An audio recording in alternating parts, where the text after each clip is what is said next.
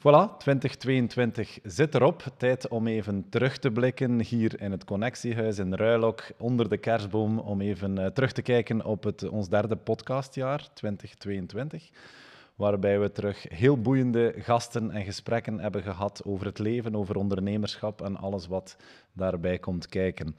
Het was ook het jaar waarin dat we een nominatie hebben ontvangen voor de Belgian Podcast Awards. Daar zijn we uiteraard uh, nog altijd heel blij mee. En ik wil iedereen ook uh, bedanken voor uh, het vele luisteren of het kijken naar, naar één of meerdere afleveringen van onze, van onze podcasts. het is de bedoeling dat, dat, we nu even alle podcasts kort een, een kort snippet gaan horen, waarbij ik telkens een kleine intro zal doen. Ik ben Bert, oprichter van Connectie. Onze missie is om ervoor te zorgen dat jij als ondernemer een goede connectie hebt op drie niveaus. Met jezelf, buiten jouw bedrijf met collega-ondernemers en binnen jouw bedrijf met je medewerkers. Het concept van deze podcast is dat we telkens in gesprek gaan met een ondernemer of bedrijfsleider over drie kantelmomenten. Drie uitdagingen in hun leven die ze hebben overwonnen. Waarom? Omdat we vanuit Connectie geloven dat succesvol ondernemen begint bij het benoemen van jouw uitdagingen. Kijk zeker op connectie.eu hoe we dit concreet aanpakken en hoe je lid wordt van onze community. En misschien zien we elkaar binnenkort. Geniet van deze aflevering en welkom bij de Connectie Podcast.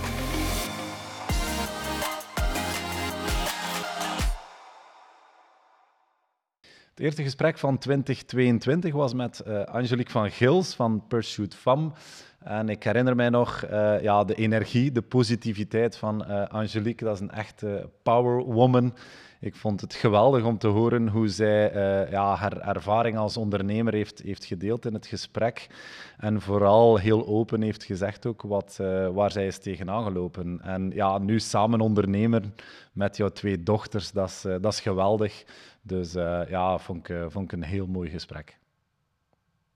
En in hoeverre hebben jullie al gesproken, oké, ook wat dat je hebt meegemaakt, van stel dat er één iemand zegt ja. ooit, ik wil, ik wil ermee ja. stoppen, heb je die daar... Dus bij de basis begonnen. Superbelangrijk, toch? Dat is echt wel uit mijn ervaring uit het verleden, dat we zoiets hadden, we gaan onmiddellijk met z'n drieën, als ik morgen beslis, guys, ik ga wat anders doen, dan staat dat vast. Als een van de anderen morgen zegt... Alles is geformaliseerd? Absoluut is geformaliseerd. Tot aan ook van, nou ja, wie weet dat een van de drie zegt... Ja, ik het werkt niet meer, dat we daar ook gewoon goede afspraken over hebben. Van, dat wordt vaak vergeten. Ja. Bij de, en het enthousiasme ja, ja, ja. van het, het, het, gaat wel goed lopen, wordt vaak vergeten om de scenario's van wat als. Maar dat is een beetje hetzelfde als met een huwelijk. Dat je ook wel een soort, uh, hoe zeg je dat, uh, huwelijkse voorwaarden. Ja, dat je dat toch wel doet. Je gaat uit, je, je gaat natuurlijk van het beste uit, maar laten we het gewoon wel formaliseren als het niet oké is. En ik denk dat dat, we blijven familie, hè? dat is nog zijn ook mijn dochters. Ik ben hun mama, dus we moeten dat ook zakelijk heel goed afdichten.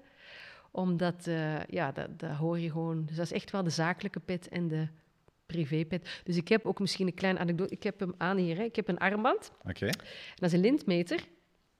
En als ik die aan heb, dan ben ik gewoon Angelique.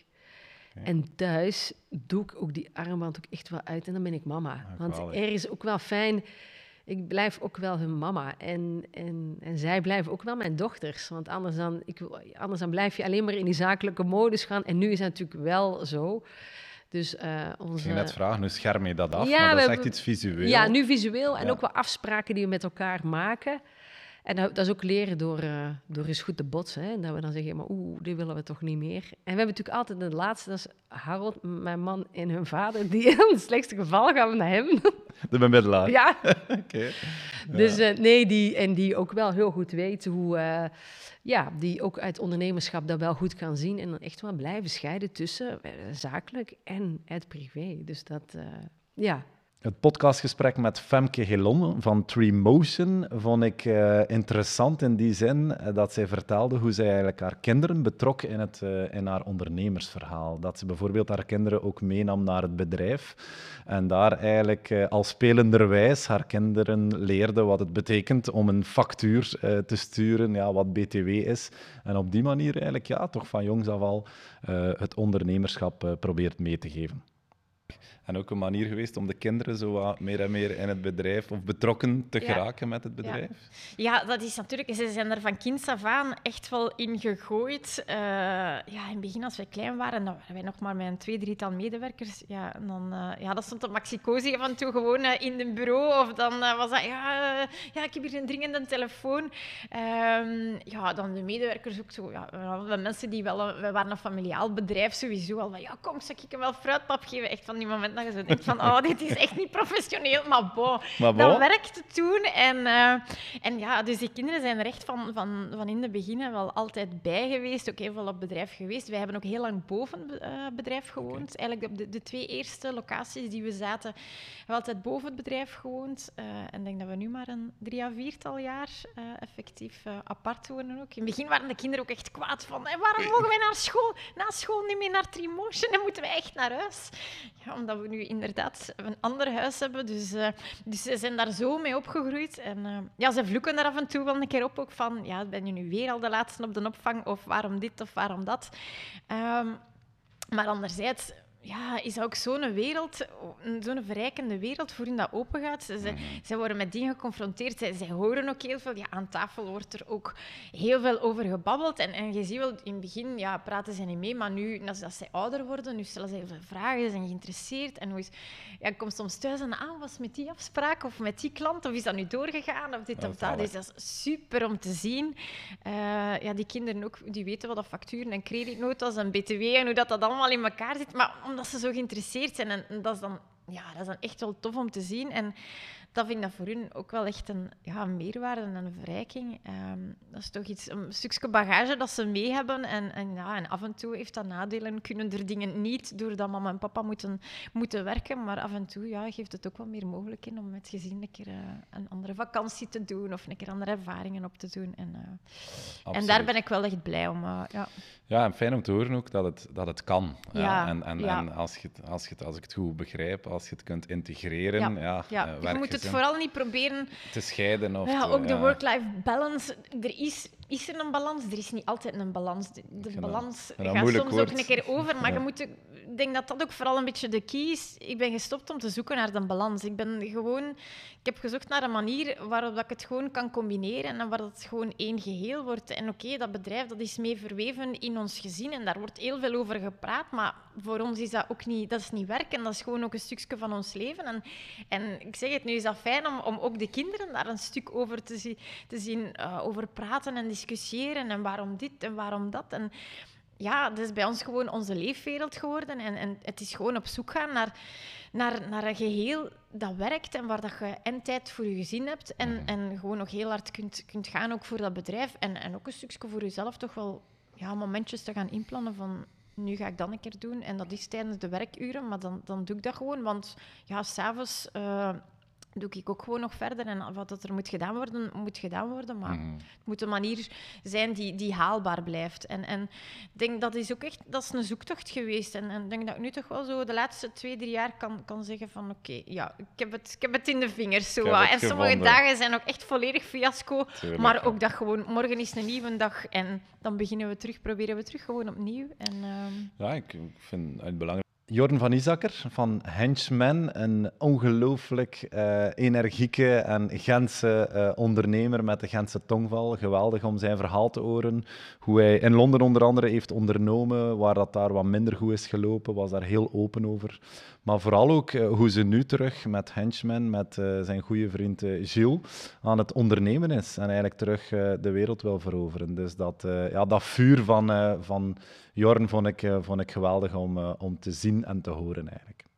Ja, maar je hebt toen ook in een interview eh, ooit gezegd van ik heb daar eigenlijk geleerd om het ook niet eens te zijn met een co-founder, ja. wat dat eigenlijk ook belangrijk is als ja. je met meerdere founders bent. Ja, absoluut. En wat vaak een keer bij ons misschien onder de mat wordt geveegd of ja. niet wordt benoemd, ja. de daler wel geleerd om bepaalde dingen te benoemen. Maar ik ben zelf ook uh, allee, achteraf beschouwd. Zeer grote fan van The Five Dysfunctions of a Team. Mm -hmm. uh, die boek en, en dat, dat, ja, dat piramidemodel, maar dat is het. Hè. Dus je hebt je trust, je hebt dan je, je uh, gezond conflict en dan pas kun je naar dat commitment gaan. Maar dat vertrouwen is cruciaal. Dat vertrouwen is cruciaal en ik denk dat dat er wel was. Um, dat, is, dat is essentieel. Maar, maar dat conflict is, en ik denk dat heel veel mensen zelf, heel veel teams, heel veel bedrijven vastzitten op dat conflict. En waardoor dat, dat commitment er niet is en waardoor dat hele mhm. alles in elkaar valt. Uh, en dat je ook geen accountability hebt. Mm Het is die accountability dat mensen zo like, uh, ervan uitgaan. Dat is zo like, iets dat mensen van uitgaan. Maar dat is mhm. iets dat je moet uitspreken. Mm -hmm. Dat is zo belangrijk. En hoe, heb de, hoe is Rendezvous dan geëvolueerd? Uh, dat is zeer moeizaam geëvolueerd. Uh, dat is echt... we hebben daar alle, alle vezels en alle energie van ons lijf ingestoken.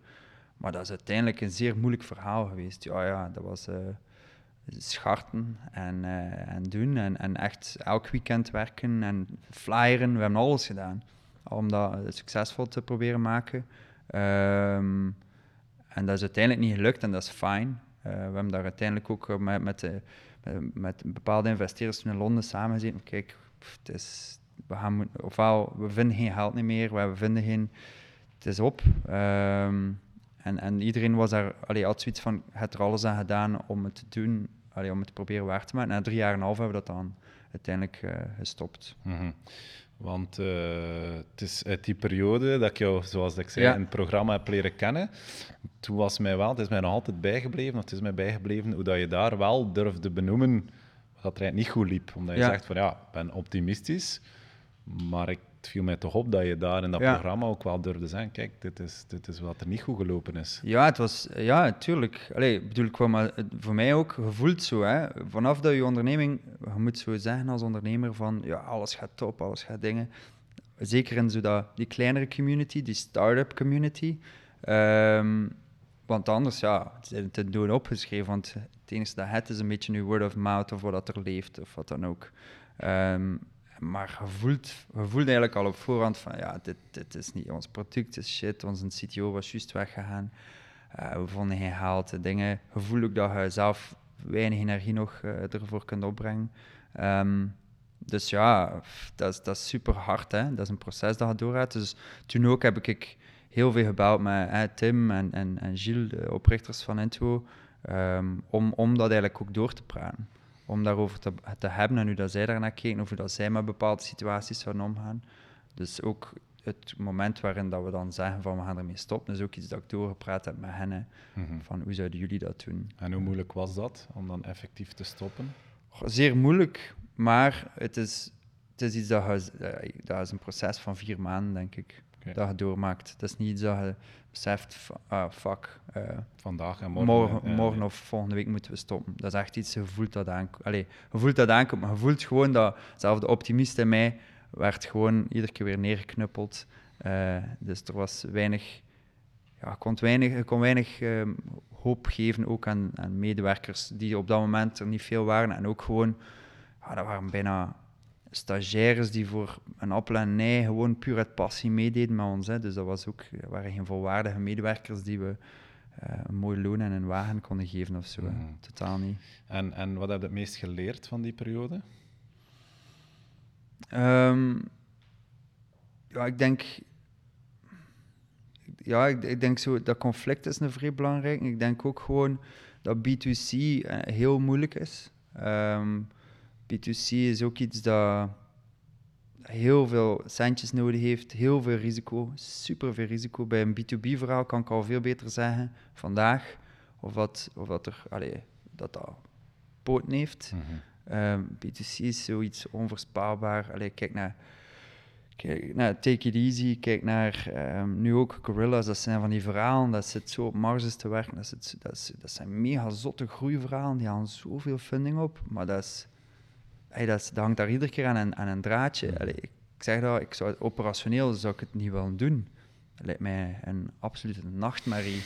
Uh, maar het is wel er 100% gegund en, en ze doen dat fantastisch. Maar het is niet hetgeen dat mij energie geeft ook. Uh, dus ik voelde dat ook wel, dat dat niet is wat ik en verder doen. Mm-hmm. Dat soort sectoren. Je hebt ook gezegd over die periode, ik, ik leef niet met spijt. Het is niet dat ik, uh, ik vind dat wel mooi dat je eigenlijk ook zegt gewoon van, nee. het is wat het is gebeurd nee. er is gebeurd. En, ja. Uh, ja.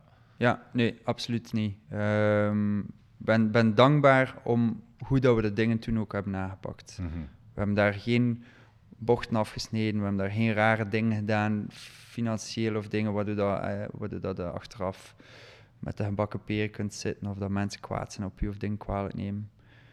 We hebben het allemaal zeer correct aangepakt. We hebben alles gegeven wat we hadden. Ehm, en daar heb ik totaal geen spijt van. En het is ook de kickstart geweest van, van, ehm, van wat we nu aan het doen zijn. Voor mij dan persoonlijk. Ja, en, en je zegt zelfvertrouwen is, is belangrijk als ondernemer, of dat is gegroeid. Wat heeft dat toen gedaan met je, met je zelfvertrouwen op dat moment? Oh, verschrikkelijk. Ja? Maar ja, hij.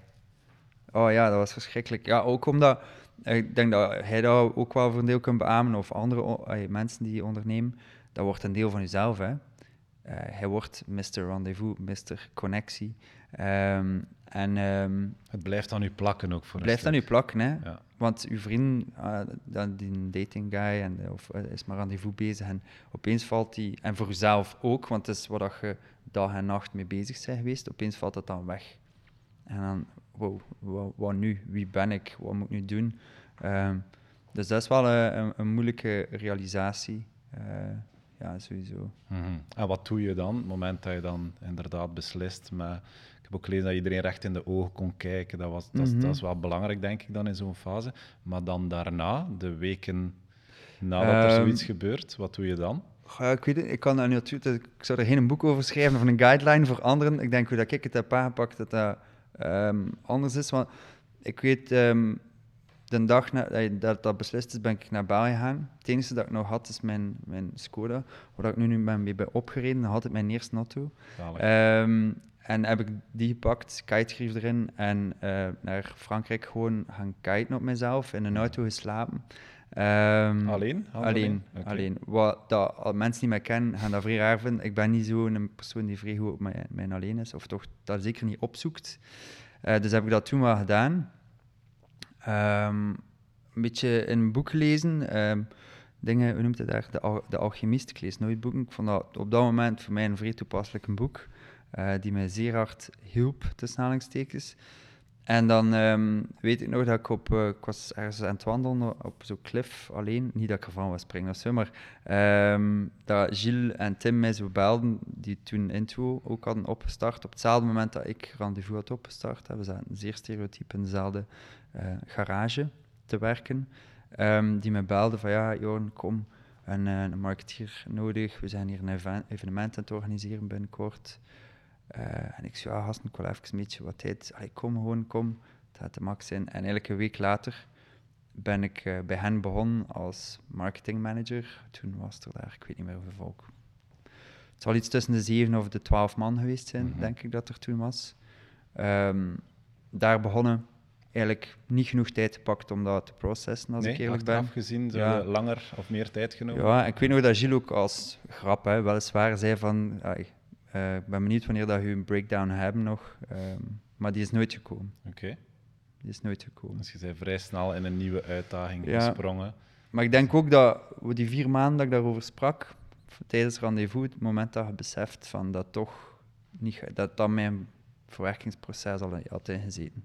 Dat denk ik. Dat je daar al een stukje afscheid had genomen en de knop onderuit. Ja, ja, ja, ja, ja. dat denk ik wel, ja. Het gesprek met Jurven, de normen, was, uh, ja, was ongelooflijk uh, eerlijk. Um, hij vertelde over ja, het, het, het bereiken en het ontdekken, ontdekken van je limieten. Ja, en hij vertelde eigenlijk over hoe, hoe hij zowel fysiek als, als mentaal eigenlijk ja, toch wel uh, heel diep heeft gezeten. En ik vond dat mooi uh, dat hij dat durfde delen. En dat heeft ook heel veel teweeggebracht. De aflevering met, met Jurven is ook uh, massaal beluisterd geweest. En ik vermoed dat daar toch dit, dit, thema een, een, belangrijke rol heeft gespeeld. Um, dan gaan we over naar het derde moment, of de derde periode, of karaktereigenschap, als ik het zo mag noemen. Je hebt het omschreven als uh, je eigen limieten ontdekken. Ja, ja dat was uh, voor, voor mij een grote confrontatie, want ja, ik, zoals ik al zei, ik doe veel te veel verschillende dingen naast elkaar. En er waren al mensen die tegen mij gezegd hebben van, hoe hou jij dat vol om en Hack Belgium en uh, Emenka op hetzelfde moment te gaan doen? En ik dacht van, kan ik dat? Dat gaat. En hier en daar voel je wel soms een keer je lijf wat, wat tegenpruttelen, dat je denkt van, oh, dat, dat is raar, zo'n gevoel dat ik niet ken. Mm -hmm. Totdat je helemaal met je kop tegen de muur loopt en je weet je grenzen niet totdat je er bent. Dat is het probleem.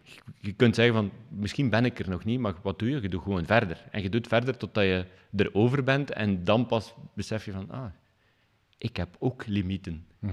En ja, die confrontatie was bij mij zeer hard, omdat dat, ja, dat komt... Je denkt uit het niets van, ben ik ondernemer, ik kan dat wel aan. En ik, doe ik Superman. Dat, doe ik dat er wel bij. En we gaan in hero-modus. En wat, we, we, hebben allemaal van die quotes dat we op LinkedIn zien. En ik kijk er nu altijd anders naar, of dat ik er vroeger naar keek. Ik denk van, ja, wacht even. Allez, ooit komen we onszelf tegen. En ik heb mijzelf allez, dan tegengekomen. Dat was, een bepaald moment was dat zeer lastig, omdat ik voelde... Ja, ik was bezig met Emenka, ik was bezig met Hack Belgium. Op het moment dat ik voor Emenka werkte, had ik het gevoel van... Nou, ik zou voor Hack Belgium ook nog wel dingen moeten doen. En op het moment dat je voor Hack Belgium bezig bent, denk je van, ah, ik, ik, ben hier de andere kant aan het vergeten. Dus je hebt eigenlijk nooit een goed gevoel. Je hebt nooit het gevoel dat je vol aan het werken bent. Terwijl dat nog in Menka, nog Hack Belgium klaagden over mijn inzetten.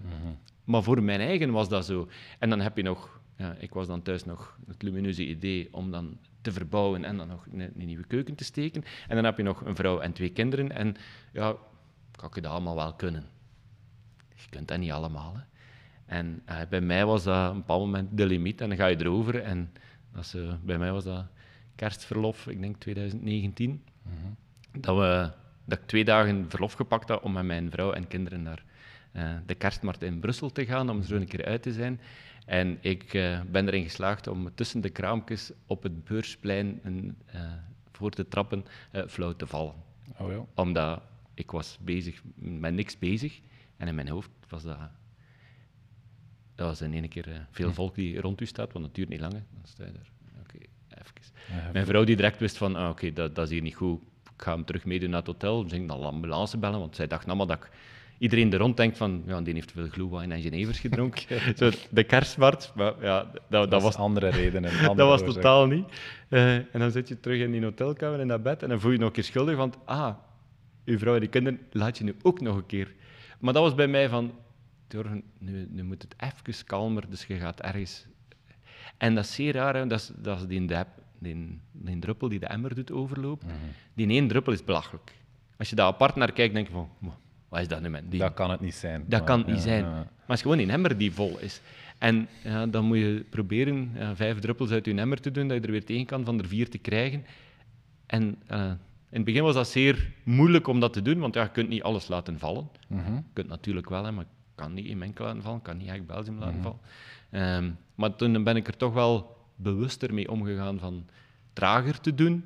Uh, Eén keer dat ik Belgium dan georganiseerd was in maart, heb ik dan allee, dat even op pauze gezet. Mm Op die manier de emmer kunnen laten ledigen. Dat heeft wel langer geduurd dan ik dacht. Je denkt mhm. van, ik ga drie weken rusten, ik ben er vanaf. Maar nee. als je hem vult op drie jaar tijd, mag er eigenlijk niet van uitgaan dat het op twee weken tijd terug leeg gaat zijn. Mhm. Ehm, maar nu ben ik daar zeer bewust van. nu voel ik van, oh, oké, ik ben hier weer even te snel aan het gaan, doe weer veel te veel dingen door elkaar en dan mhm. weet ik dat ik even pauze moet nemen. Mhm. En dat kan een koffie drinken zijn, dat kan een, een, uur gaan lopen zijn, of dat kan een weekend weg zijn, hè, afhankelijk van hoe hard ik het voel. En dan, dan wat waren nog signalen toen? Omdat je zegt van ik ging toen wel over mijn grens. Waren er nog signalen, lichamelijk of andere, dat je voelde van oei, dit is hier niet goed? Bij mij was dat zo in, in je lichaam in één keer zo krampachtig, zo de, ja, bijna paniek aanvallen. En meestal was dat bij mij in de auto, wat dat, niet zo veilig is. Maar dat, was, dat waren momenten dat je niks te doen hebt, dat je leeg zit. Hè. Als, je aan het werk, als ik aan het werken ben, was ik daar nooit van bewust. Want dat werkt, dan ben je aan het werk. Mhm. Dan ben je dingen aan het oplossen en dan weet je van die to-do-lijst, dat, dat gaat wel. En in een auto was dat... Ehm, ik weet dat ik één keer ook naar uh, eh, VTM aan het rijden was voor uh, Hack Belgium te gaan promoten daar. En ik, was, uh, ik kon dat niet afzeggen, want ik kon een meeting bij de VTM niet afzeggen. En dan heb ik gevraagd en hebben we er een wandelmeeting van gemaakt, omdat ik, ik niet kon neerzitten, want dat, dat, dat ging mijn, mijn lichaam was zo aan het protesteren. Denk van, als ik dan nu zo terug op kijk, denk ik van, ah, moest dat toch geweten hebben, moest gewoon u ziek gemeld hebben, maar ja, dan wow, nog een keer doorbijten en nog een keer verder. En, uh, en het ergste is dat op het moment dat je dat hebt, voel je zo zwak. Mhm. Van, ja, shit, ik kan daar niet aan. En als ik dat dan vertelde tegen veel mensen, en zeer veel ondernemers ook, iedereen heeft dat tegengekomen op een bepaald moment. Maar niemand vertelt dat. Dan denk ik van... En hoe komt dat? Omdat we denken dat, dat dat een zwakte is, denk ik. Van, oeh, hij kunt dat niet aan. Maar als je dat bekijkt van ver, ja, iedereen heeft zijn limiet en bij de een zal dat nog verder liggen dan bij een ander. Maar op een bepaald moment kun je er niet dingen nog bij gaan doen. Hè. Je hebt zoveel rust nodig in je leven ook om, om de rest vooruit te helpen. En ja, die, die zwakte, ook op bepaalde momenten kun je het ook niet vertellen. Ik kon niet, moment, wij waren toen in mijn aan het verkopen, zeggen van, oh, voel mij niet zo goed in mijn vel. Ja, dat gaat niet, hè, want ze mhm. kopen in Menka met mij erbij. Ja. Dus ja, dan moet je weer, allee, dat warm en dat koud, moet je weer zwijgen. Dus je kunt ook niet altijd het zeggen, maar op het moment dat ik dan later tegen iedereen dat aan het vertellen was, en vandaar vond ik het ook belangrijk om dat hier te vertellen, mhm. er zijn zoveel mensen die daar ook mee worstelen en denken van, ah shit, ik kan dat niet aan. En als je dan hoort dat de rest dat ook niet aan kan, denk je van, oh, dat is, dat is normaal dat je leven tegenkomt. Ah, oké, dat is goed. Maar even te rusten kunnen we weer verder. En ja, vandaar dat ik dat belangrijk vind om dat, dat uit te dragen, want voor mij was dat op dat moment denk je dat je alleen op de wereld bent. Hè, en mhm. alleen is dan, allez, uw gezin weet dat dan en de dichte familie rond u, maar voor de rest, oh, ik had het hier niet vertellen, hè, want ik ben een succesvol ondernemer. Ik mag mhm. dat hier aan niemand laten weten, terwijl dat, dat ik nu vind dat dat een sterkte is om dat te delen en mhm. geen zwakte. Maar op dat moment was ik daar niet van overtuigd. Ja, zeker. Bedankt om dat nog even expliciet te vermelden, want het is zoals met veel dingen, als iedereen zwijgt, gaat er, of niemand de eerste aanzet geeft om erover te beginnen, gaat er ook niet over gesproken worden. En dat is eigenlijk het slechtste scenario. Dus, uh... Klopt. En mensen, als je dat vertelt, denken van... Amai, ah, dat, dat had ik niet gezien aan u. Of je hebt dat goed verborgen gehouden. Ja. Of, ja, dat weet ik. Dat was mijn doel ook, om op een bepaald moment daar mhm. zo ver mogelijk... Maar door ervan te vertellen, gaat ook je emmer veel sneller leeg. Omdat je mhm. weet van... Als ik nu zeg van... Oh Bert, ik voel mij niet goed. En jij weet waarom dat, dat is gaat dat ook mhm. veel makkelijker gaan. Anders ga ik dat niet durven zeggen tegen u, want ik, ja, jij weet niet wat de situatie is en wat is het hier nu met een dien. En op het moment dat je dat met meerdere mensen deelt, kun je ook veel makkelijker eerlijk zijn als, de keer, als je een keer vlucht. Hè, want ja, het is, het is dat, hè, freeze, flight, al die, die zaken. En soms moest je gewoon, ik ga een meeting afzeggen, ik ga, ik ga een tour gaan lopen, ik ga daar meer deugd van hebben. En, ja. Ja. Ik heb dat op dat moment veel te weinig gedaan en veel te veel gewoon doorbijten. Mm totdat je het, ja. En is dat dan, als je daarop terugkijkt, had je te weinig rustmomenten voor jezelf ingelast? Uh... Er waren er geen. Ja. Geen? ja. Oké. Ja, want dat was ja, eigenlijk Belgium en Imenka door elkaar. Dus dat waren weken die de hele dag door. De zaterdag waren we aan het verbouwen. Dus ofwel was ik bezig met een van de twee, ofwel was ik aan bezig in de verbouwing nog alles klaar te zetten. En de zondag was het huis opruimen dat tegen de maandag de werkers terug konden beginnen je hebt geen moment voor je eigen. En ja, tijd voor verlof, ja, dat gaat niet. Want ja, als ik verlof neem, dan kan ik voor geen een van de twee werken. Mhm. Dus ja, dat is inderdaad tijd voor mijn eigen en een tour gaan lopen. nu plan ik het gewoon in mijn agenda. Ik zet het erin. Mm Uur lopen. Ja. ja. Nog uh, manieren om tot rust te komen? Goh, eh, zelfs Netflixen. Oké. Want een boek lezen is ook, maar dan moet je al... Als je emmer helemaal vol is, een boek lezen, dan gaat niet. Want je, je doet of dat je leest en beneden aan de pagina denk je van dat heb ik nu gelezen. En Netflix, zo mind-numbing, iets waar je niet te veel moet bij nadenken, dan, mhm. dan helpt dat ook. Mhm. Eh, en allee, dat, dan klinkt dat weer als van, ja, je kunt constant naar Netflix kijken en, en Turkers gaan wandelen, maar soms een uur naar Netflix kijken of een tour gaan wandelen bij mij was, of gaan lopen, ja, ik kon daarna veel beter weer werken dan, dan dat ik eigenlijk een uur had blijven achter die pc zitten. Ja de podcast met Soeienaard was, uh, was heel interessant voor mij als sportliefhebber om te horen hoe zij als, uh, ja, als jonge topsportster eigenlijk is omgegaan met toch wel ook ja, de druk die zij heeft ervaren en uh, ja, hoe zij dit op vandaag nog altijd gebruikt in haar ondernemerschap. Haar ambitie vond ik, vond ik fantastisch. Ja, en ook de manier waarop dat ze ja, toen met het BV-schap en, en alles wat daarbij hoort, eigenlijk ja, heeft verteld wat dat met haar heeft, uh, heeft gedaan, vond ik uh, heel boeiend eigenlijk. Um, maar ook daar heb ik die, die initiële angst wel weten omtunen naar, ja, weet je, anything can happen. Het, mhm. is, het is wat het is. Um, en een beetje van, ja, get over it. Het is niet het enige wat ik heb meegemaakt enzovoort, maar moeten we daar allemaal zo... Pas op, het is soms voor bepaalde dingen makkelijker gezegd dan gedaan. En soms duurt het langer. Maar ik denk dat het wel een boodschap is van oké, er gebeuren dingen. Blijf niet te lang zitten bij ja, maar en waarom en waarom en waarom. Uh, ja, waarom is soms gewoon daarom? Een overbodige vraag soms. Een overbodige vraag. Wat gaan we ermee doen? Mm -hmm. Akkoord of graas? Uh, dus ik denk dat dat wel iets is die, die toch wel een belangrijke... Ja, en de gezondheid is een cliché, maar toch de basis om, om, om alles te kunnen doen wat, we, wat dat we graag doen. Zijn er dingen waar je, waar je spijt van hebt, als je terugkijkt? Goh, ook die probeer ik zo snel mogelijk te vergeten. no regrets. Ja. No regrets, jawel, wel regrets. Ja, ja het is wat het is. Het is wat niet het is. te veel erin blijven hangen. En, nee, uh, nee. nee. Ja, nee, er zijn absoluut dingen die, waar, waar je zegt van ja, dat had ik niet moeten doen of waarom heb ik dat niet, uh, niet gezien. Ja, ik weet het niet waarom. Ik gewoon zorgen dat je het de volgende keer wel ziet of zo. Mm -hmm. en... Of wat ik denk daar, wat er ook wel gebeurt, is dat je, waar je anderen heel vaak voor aan het verwittigen bent, is vaak iets waar je zelf in mee struggelt. Let op voor dat, let op voor dat. En eigenlijk zou je zelf wat beter moeten opletten. Is nu, uh, met een beetje maanden recul, iets wat ik denk van, ah ja, als je zo anderen waarschuwt, let op. Dat is iets wat je zelf misschien zelf ook misschien mee denkt van, misschien moet ik wat meer op, mee opletten of zo. Ja. Dus je wilt de anderen waarschuwen voor iets waar je zelf mee exact, zit. Exact, dat is al vaker gebeurd. Ongelooflijk eigenlijk. Ja, grappig, ja, dus, uh, zeker. En, en je hebt al gezegd dat je gelooft in de goedheid van de mens. Waarin geloof je nog? Waarin geloof ik nog? Um, ja, dat, dat, dat, dat je natuurlijk als mens alleen geboren wordt en alleen zal sterven, maar dat wel zonde is om heel je leven alleen te blijven. En dus ook daar u te, te omringen met de mensen waar je energie van krijgt, op dat moment. En dat moment is, is, is ook iets die, die, die doorgaat in de, in de tijd. Um, en dan heb ik iets wat, wat ik gemerkt heb, wat ik zei, we zijn recent getrouwd. En dan denk je van, oké, ja, we doen een heel groot feest. Oei, maar we zijn toch niet zo rijk omdat, om al die mensen te kunnen vragen. Ehm, om een idee te geven, als, als mijn man 40 werd en, en Noah, onze, onze oudste, geboren werd, gingen we een babyborrel doen, maar er was wel 200 man. Dan denk je, oké, dat is 15 jaar geleden. Hoeveel mensen komen er dan nu? Dan denk je, oké, inner circle gaan we uitnodigen. En dan denk je, oei, mijn inner circle is eigenlijk wel al heel vaak veranderd in mijn leven.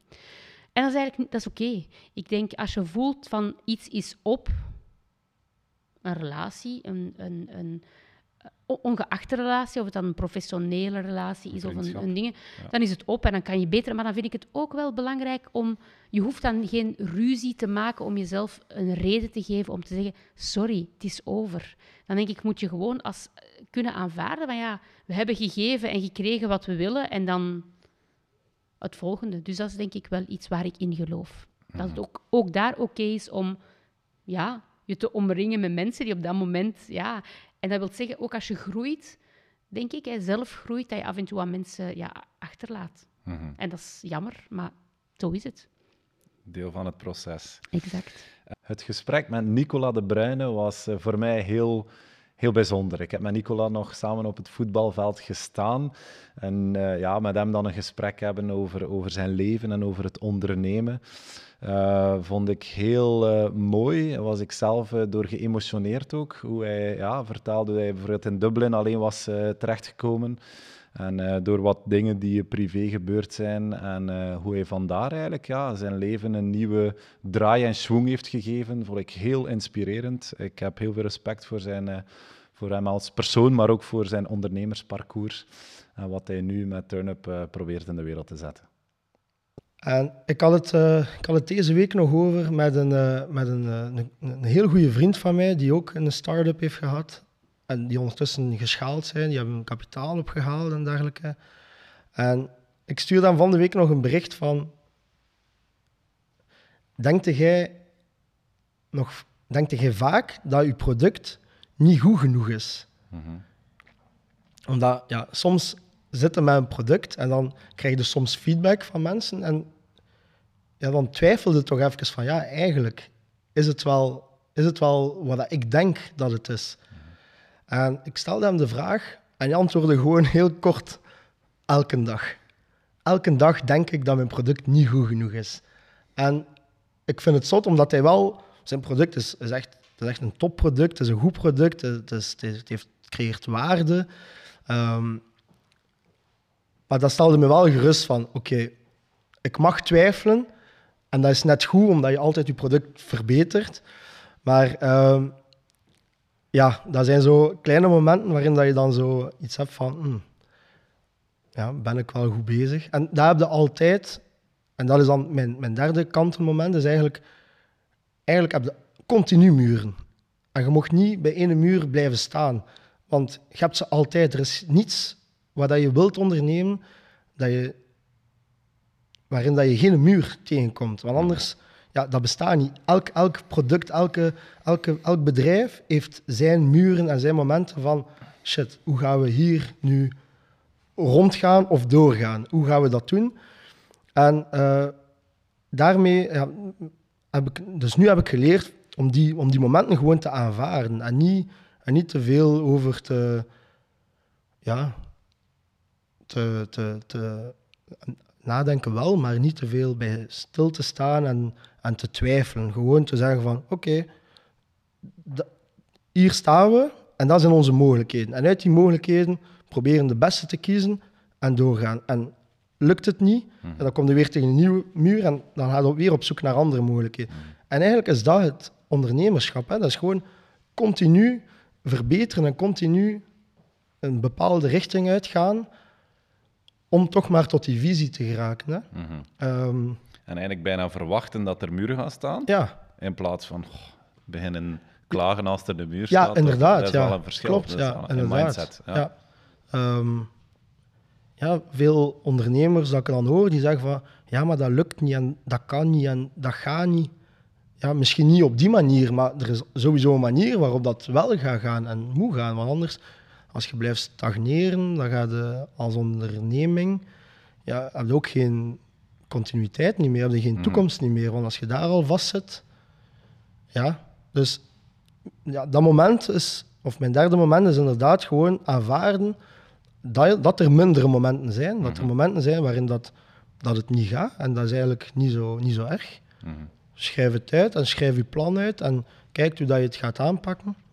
En daar hebben wij nu wel zo een goede, een goede werking in. En dat is wel dankzij mijn, mijn vernoot, hè, Koen, Koen mm -hmm. van, van Direct, CEO van Direct. En die heeft zo een structuur dat ik niet altijd heb, maar hij, hij implementeert dat zo bij ons en dat helpt gewoon heel goed. En uh, dat is uh, uh, uw plan, uw groot plan uitschrijven. Echt, dat mag zo groot mogelijk zijn. En van daaruit de omgekeerde richting gaan doen. Dus oké, waar wil je staan binnen tien jaar? En bij ons is dat uitgesproken, ja, gewoon wereldwijd gekend zijn. Mhm. En waarvoor, waar moet je dan staan binnen vijf jaar om dat binnen tien jaar te bereiken? Mhm. En van daaruit ga je gaan werken naar vijf jaar, naar drie jaar, naar één jaar, naar kwartaal en naar eigenlijk elke week. Mhm.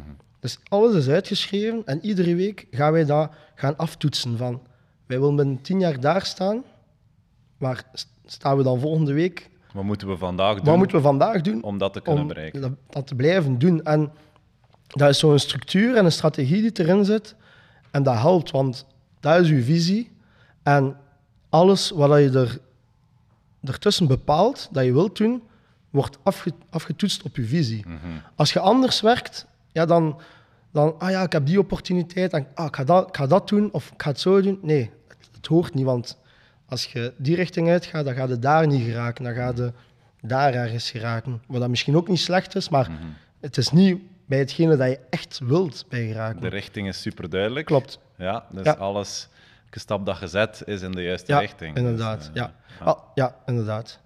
En dat kan zijn dat, dat, dat richting soms een keer naar links en naar rechts gaat. Nee, nee, maar... Zolang dat je maar uiteindelijk ja, ja. De, de, de, richting bereikt dat je wilt bereiken. Hè. Dus, uh, ja. ja. En om op terug te komen op je muren, ik vergelijk ook vaak met de voetbalmetafoor van ja, je verliest altijd wedstrijden, ja. maar de week erop is er een nieuwe wedstrijd. Ja, inderdaad. En dat helpt mij bijvoorbeeld om in het ondernemerschap ook hij omschrijft als muren, maar om ja. met een verlies om te gaan, maar weten dat er elke dag eigenlijk een wedstrijd gespeeld wordt, dat vind ik wel... Uh, ja, inderdaad. Een, een, mindset die helpt om, uh, dat is zo. om die challenges, die uitdagingen te overwinnen eigenlijk. Dus, uh.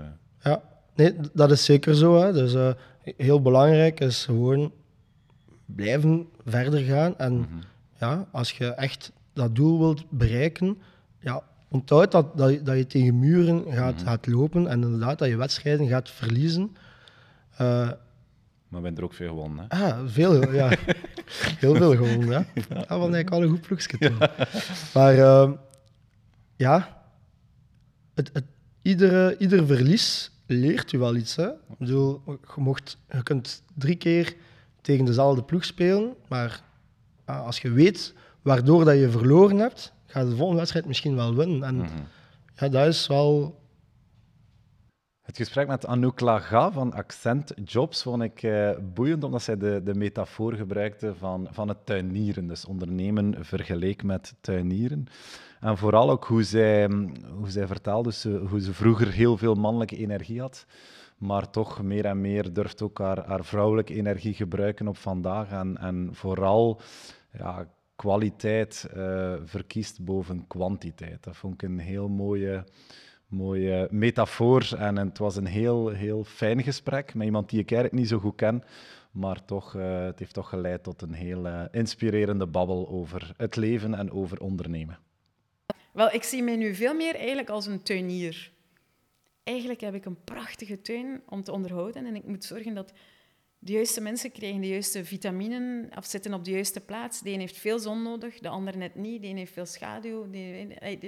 Dus en, en zorgen dat het een gezonde omgeving blijft, hè, mhm. waar alles en iedereen kan floreren. En dat het mhm. eh, geen toxic omgeving wordt die verstikkend werkt, mhm. waar dat mensen in fear gaan, die schrik hebben, uh, want dan durven ze niet meer innoveren, dan durven ze niet uh, op een bek te gaan en, en geen, niet te veel regelneverij en want dat is wat met heel veel big corporates gebeurt. Van prachtige mensen, prachtige intenties, maar de, de omgeving wordt zo verstikkend.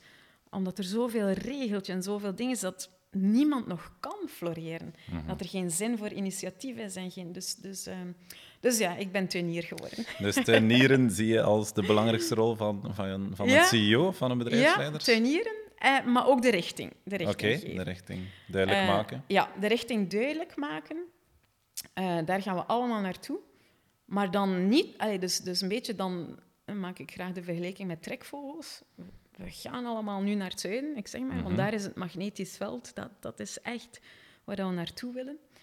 Um, en dan laat, laat, laat de vogels, laat die zwerm hun pad gaan. Mhm. Durf te vertrouwen in die mensen. Er is niet één slimste vogel en de sterkste vogels uh, vliegt van voor. Nee, die lossen elkaar af. Mhm.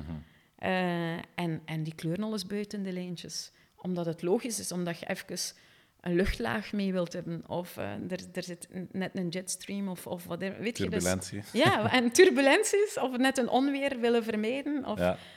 Dus go with the flow dan, mhm. zolang dat de richting wel juist is. En, en vertrouw erop dat uh, het magnetisch veld, zolang dat, dat goed gekristalliseerd is, dan uh, gaan we niet van dat pad af. Dus, uh... Ja, en hoe doe je dat concreet op de werkvloer, dat tuinieren en de richting bepalen? Heb je daar bepaalde... Ja... wel, de richting, dat hebben we samen geschreven. dan moet ik alle krediet geven aan mijn voorganger, Rika Koppens. hebben we eigenlijk samen met ja, uh, met het bedrijf hebben we ons Dream DNA-plan, uh, noemen we dat, uh, geschreven. En um, ja, waar gaan we naartoe? En dat is zo goed geschreven dat dat de komende vijf jaar, de komende tien jaar pertinent blijft. Um, en dan, wat zijn onze waarden? Wat is de cultuur dat we willen overwaken? En dus die richting, dat is echt die droom, die hebben we geschreven. En dan die values, en dat is dan dus de richting hè, is dan de trekvogels. En dan de values, kan je ook zeggen de cultuur. Ja, daar moet ik over waken als tuinier. Mhm. hè, van, oh ja, is er hier niet iemand te veel plaats aan het nemen? Of is er niet iemand hier nu ja, die beloond wordt? Die heeft wel fantastische resultaten, maar de manier waarop is echt niet oké. Of die waardes die, uh, die worden nu niet nageleefd en dan moet ik wel ook even ingrijpen. En hoe zorg je ervoor dat dat tot bij iedereen geraakt? Hoe communiceer je die ah, op regelmatige basis? Elke dag. Elke dag in alles. In alles. In alles. Um, als ik video's maak om iedereen toe te spreken, ja, helaas ben ik CEO geworden tijdens coronatimes, dus ze kennen mij voornamelijk van de video's. Ehm, maar ja, in, uh, in, e-mails die uitgestuurd worden, als ik iedereen uh, toespreek, en uiteraard uh, als we live allemaal samen zijn, um, daar wordt constant op gehamerd. We hebben ook een Accent Business School. dus onze, onze eigen medewerkers die krijgen 200 uur opleiding per jaar. -huh. Allee, 200 uur, ik heb dat nog nooit gehoord, nog nooit gezien.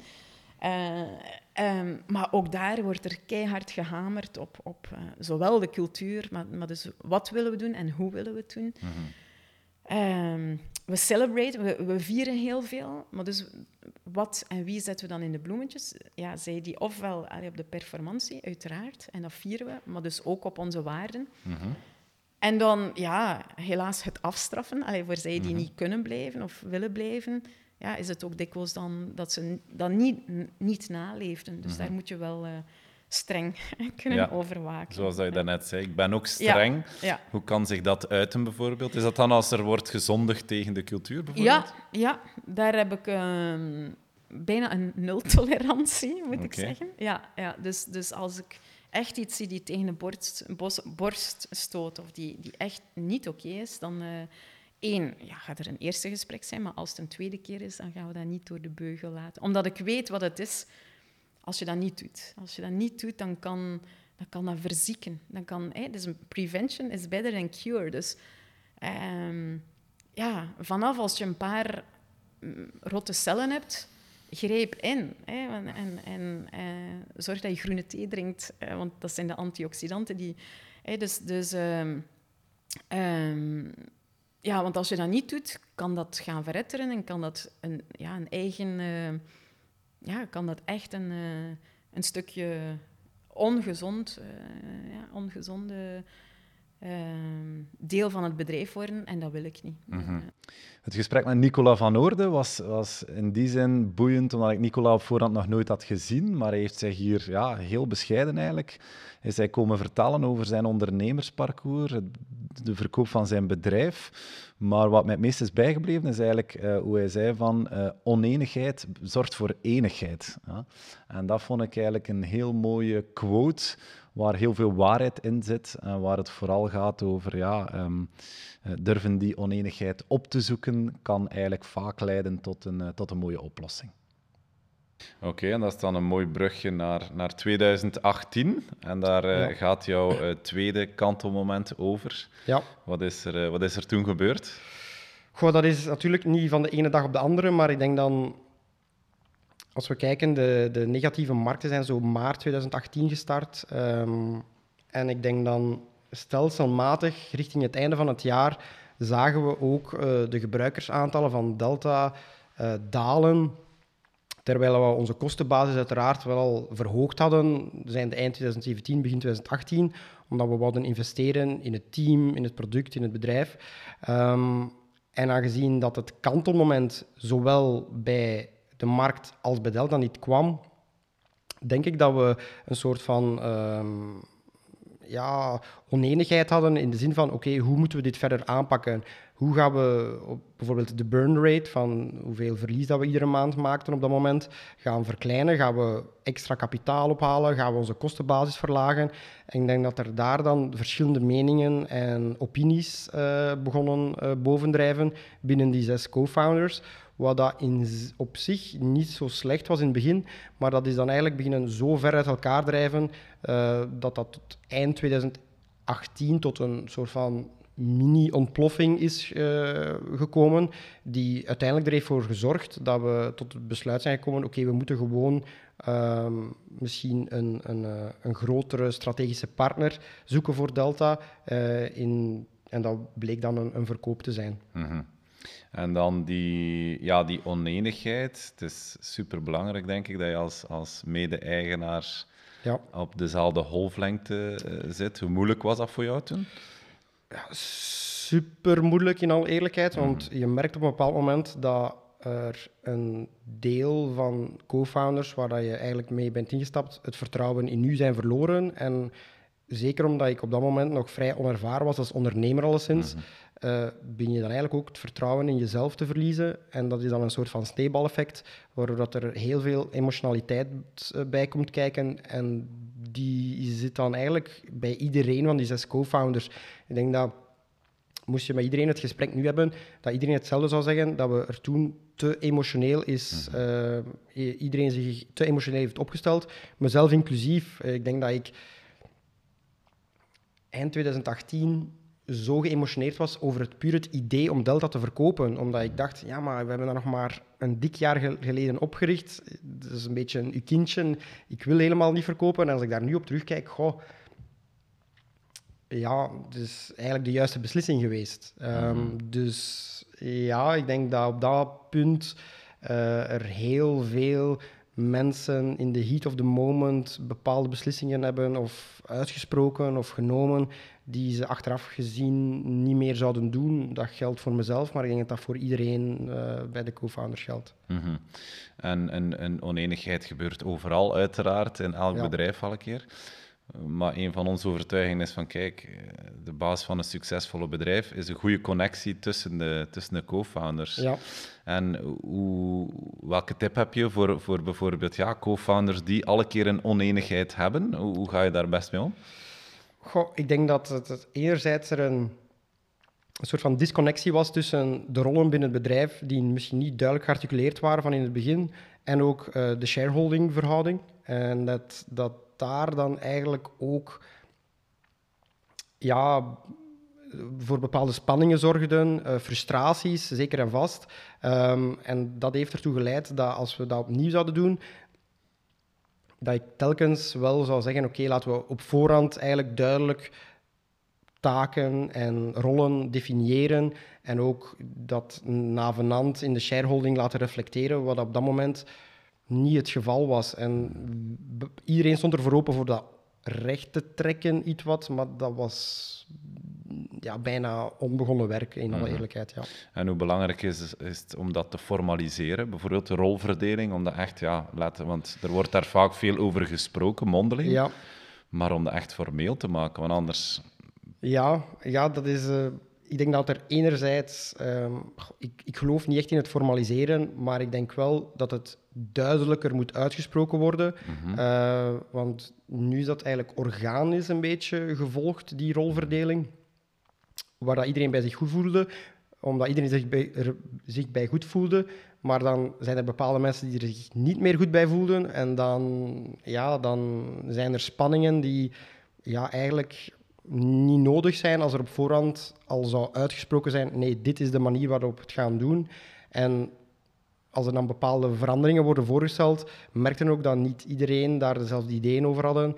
Um, en dat is dan het goede geweest, omdat de oneenigheid heeft voor enigheid gezorgd, omdat uh, het was zo duidelijk dat iedereen bijna iets anders dacht, dat de conclusie was, zo kan het niet verder. We moeten eigenlijk naar een soort van oplossing gaan, zijnde een strategische partner, verkoop, etc.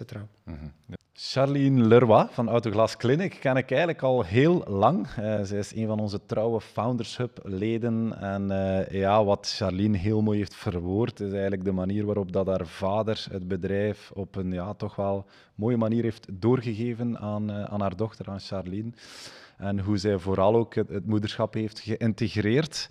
En ja, een externe CEO in een familiebedrijf, dat is niet altijd even eenvoudig. Maar zij is er toch in geslaagd om dat een uh, ongelooflijke uh, ja, meerwaarde te aanzien. En op vandaag loopt dat, loopt dat zeer goed. En dat verhaal was eigenlijk, ja, dat proces was heel boeiend om, om naar te luisteren. Dan uh, springen we direct naar het, het eerste kantelmoment. En dan gaan we even terug naar ja, de tijd dat je afstudeerde en dan vrij snel in het bedrijf terechtkwam. Hoe is dat gegaan? Dat, uh, ik denk atypisch, uh, als ik dat ook hoor van, uh, van mede-ondernemers in, in familiale context. Um, dus bij ons heerste het Prins Charles-syndroom helemaal niet. de dag dat ik aankwam, ja, het was bijna onmiddellijk na mijn studies. ik, heb, ik heb eerst TW gedaan en dan een jaartje Vlerik nog gedaan. En, en dadelijk na Vlerik heb ik besloten om, om toch in het, in het bedrijf te stappen. Iets wat ik daarvoor zei dat ik niet ging doen. En uh, ik, kom, uh, ik kom daaraan en letterlijk de eerste dag uh, verhuisde mijn, mijn vader de stapels van op zijn bureau naar mijn bureau en zei, nu is het aan u, doe maar uw eigen ding. En, en die liet los. Dus ja, heel atypisch. En het was van, zwem maar, doe maar. Uh, en uh, zoals ik ook schreef in het mailtje aan jou, per chance ben ik een waterrat. Dus uh, het was wel, wel atypisch. op, dat, op dat moment heb ik daar wel op gevloekt soms, dat hij zo fel losliet. Mm dat, ik, ja, dat ik dacht van, ja, allez, je hebt zoveel ervaring, help mij, leer mij zaken. Um, maar uh, achteraf bekeken, uh, hoe langer hoe meer, ben ik heel dankbaar dat hij dat zo gedaan heeft. Want uh, hetgeen wat wij hebben opgebouwd met Autogasgenic sindsdien, ja, is wel is wel ook grotendeels uh, mijn werk. En ik heb ook ja, mijn, mijn netwerk kunnen uitbouwen. Niet, niet geprofiteerd van zijn netwerk. Of uh, uh, ja, op, op mijn eigen manier gedaan. En, en achteraf bekeken heel dankbaar voor. Want, want wat voel je dan op het moment dat hij zegt de stapels op jouw bureau legt en zegt het is aan u? Een beetje happen naar adem. Net zoals je in een zwembad gooien. Ja, natuurlijk, want je was toen uh, West, 2, 23 jaar? 23, ja. 23, ja. ja. Oké. Ja, dat was even ja, dat was even slikken. Een happen naar adem, letterlijk. En ook van, ja, waar moet ik eerst beginnen? Uh, ik, ik wil wel duidelijk maken, ik had natuurlijk wel een team dat er stond. Hè. Dus uh, er was een team van mensen en ja, die, die hebben enorm daarmee geholpen. Uh, dus dat, dat, dat is ook wel een luxe positie, denk ik. Ehm, maar ja, het was wel even uh, niet weten waar mijn kop stond. ja, want uiteindelijk, je had eerst gezegd, ik ga het niet doen. Had je, ja. Uh, uh, waarom, waarom had je dat gezegd? Of waarom was de intentie om eerst niet in het familiebedrijf te Ja, nee, het was niet, niet van ik ga het niet doen, maar het was, het was vooral van niet van ik ga het wel doen. het was zo, wij, zijn, wij zijn met vier kinderen thuis. Ik heb drie oudere broers. En ja, wij zijn nooit gepusht geweest door, door mijn vader om, om in het bedrijf te gaan. Het was altijd van doe je eigen ding, doe wat je doet, doe daar, doe daar je best in. En, en, en ja, op die manier uh, zoek maar uw eigen weg in het leven en je moet niet kijken uh, naar het bedrijf wat ik hier heb. Uh, als je dat wilt doen, ja, heel graag, maar als je dat niet wilt doen. dus in die zin, ja, ik zei blijkbaar wel al op mijn vier jaar dat ik mijn eigen baas wou zijn, maar, maar niet in het bedrijf. Ik had daar ook vakantiewerk gedaan en ja, op zich zijn natuurlijk grote, uh, hoe zeg je het, grote schoenen die ik moest vullen. Uh, en, en misschien dat dat mij in het begin uh, tegenhield om, om te zeggen dat ik, dat ik ook daarin wou stappen. Maar wat een mooie ja, blijk van vertrouwen van je vader. Ja. Omdat eigenlijk gewoon ja, bijna direct uh, aan jou toe te kennen. Ik denk dat dat inderdaad, dat is uniek. De, ja, dat, maar dat is iets waar ik achteraf mee achteraf ben gaan beseffen. Op dat moment heb ik daar meer op gevloekt, denk ik. Maar, uh, ja. Maar achteraf absoluut uh, een, een, een, hele unieke kans waar ik heel dankbaar voor ben. Mm -hmm. En inderdaad een blijk van, van vertrouwen. Ja. Mm -hmm. En in, in welk nest ben je opgegroeid? Je hebt al even gezegd, in een gezin met vier kinderen. Hoe, hoe was het om op te groeien ten huize Leroy? Een heel warm nest. Uh, een heel warm nest waarin wij, uh, ja, zoals ik al zei, heel veel ons eigen ding mochten doen. Uh, wij kwamen in niks tekort. de vakanties waren heilig. Ehm, mijn vader was weinig thuis. Hij was, was ook ja, in de tijd dat ik opgroeide, was hij veel aan het reizen ook. Dus weinig thuis. Maar als hij er nodig was, stond hij er onmiddellijk. dus dat is ja, dat is, dat is heel fijn. Ja. En onze mama die was altijd daar uh, voor ons. Dus uh, ja, een heel warm nest uh, waar ik alleen maar met, warm, met een warm hart naar terug kan kijken. Mm -hmm. En uw broer en uw zus hadden geen ambitie om in het... Mijn broers, dus broers, drie broers. Ja. Nee, drie helemaal broers, niet. Ja, okay. hebben ook geen enkele affiniteit met auto's of okay. niks. Dus, ja. Dat was eigenlijk heel helder van in het begin Ja, ook. wat op zich ook wel, ook wel, ook wel weer de zaken vergemakkelijkt. wat in andere familiebedrijven misschien anders is, maar dat was bij ons wel, wel duidelijk. Ja, en hoe hard verschil of gelijk je met je, met je vader? Vaak aspecten bij hetzelfde. En waar, ik ben denk ik helemaal anders. Helemaal anders, oké. En hoe, hoe dan? Ja, hij is, uh, hij is uh, een, uh, een introverte persoon. Ik denk dat ik ja, misschien niet helemaal extrovert, extravert ben, maar toch een groot contrast met hem. Um, ik, ik doe heel veel ja, um, ik, ik praat gemakkelijker over uh, van alles, hè? maar ook, uh, ook gevoelens of, uh, of dergelijke, waar dat hij ja, veel geslotener is. Mm um, maar hij is een, een, een puur sang een puur ondernemer, of zoals ik het zie, ja, iemand, een, een, een natuurlijke leider, of hoe moet je het zeggen, een, een roodtype. Um, daar waar ik uh, ja, eerder uh, een, een groentype ben of uh, meer naar de harmonie aan, dus op dat vlak een atypische onderneemster ben, denk ik. Um, en in het begin was dat wel, wel zoeken, want ja, ik had een hele andere manier. En je wilt toch u ook laten gelden. Uh, maar gaandeweg ja, leert je van gewoon je eigen te zijn. dat dat je het verste brengt. Ja. -hmm. Met Ilse de Smet van Com Co hebben we het gehad over gelukkige medewerkers. En wat ik mooi vond, is dat Ilse dat geluk ook letterlijk uitstraalt. Ja, dat is een, een heel positieve, enthousiaste uh, onderneemster. En ja, vooral hoe zij zei van ondernemen is vaak uzelf tegenkomen, vond ik zeer herkenbaar maar ook hoe zij oprecht bezig is met, uh, met het, het, gelukkig maken van haar medewerkers. Dat vond ik, uh, vond ik ongelooflijk uh, inspirerend. En ehm, nogmaals, het bewijs dat het absoluut geen marketingverhaal hoeft te zijn, maar dat het ook echt kan. En zij was daar een heel mooi voorbeeld van. Mm -hmm. wat is jouw belangrijkste rol op vandaag? Waar ben jij vooral mee bezig? vandaag is mijn belangrijkste rol echt wel het team zorgen dat iedereen tevreden is, dat iedereen goed zit, um, dat iedereen op zijn sterkst zit. Um, dat iedereen um, het gevoel heeft dat hij vooruit gaat. daar gaat voor mij veel tijd in en veel, veel energie in. En hoe doe je dat dan? Gesprekken? Gesprekken, of, ja. heel veel gesprekken. Uh, maar ook constant aandachtig zijn eigenlijk. Van, zit iedereen goed? Loopt alles goed? Um, en dat is ook noodzakelijk, want natuurlijk als er iets gebeurt, thuis of in het privéleven van mensen, kan het zijn dat dat zeer snel een weerslag heeft op wat dat ze op hun werk aan het doen zijn, dat ze wat minder hard willen werken of dat ze wat minder uh, client-facing willen zijn of dat ze uh, wat minder verantwoordelijkheid willen. En dan moet je daar als bureau kunnen op inspelen, vind ik. Mhm. Dus dat is iets waar ik eigenlijk veel tijd in steek. Uh, tegelijk zit ik natuurlijk ook nog altijd uh, langs de klantenkant. Uh, ik, ga, ik doe heel graag prospectie en, en, en gesprekken met potentiële klanten. en dan is het ook zaak om daar de het juiste team voor samen te stellen. Dus dat is een beetje hetzelfde, maar dan van de andere kant. Toen ik kijken van oké, moest ik deze klant zijn, wie zou ik er dan idealiter op willen? En wie heeft er daarvan tijd? Wie heeft er geen tijd? Diegenen die geen tijd hebben, kan ik die vrijmaken bij andere klanten. Dus ook dat is eigenlijk een voortdurend gepuzzel. Dat is denk ik mhm. eigenlijk wel... Die twee invalshoeken, dat is denk ik mijn, mijn grootste... Mhm.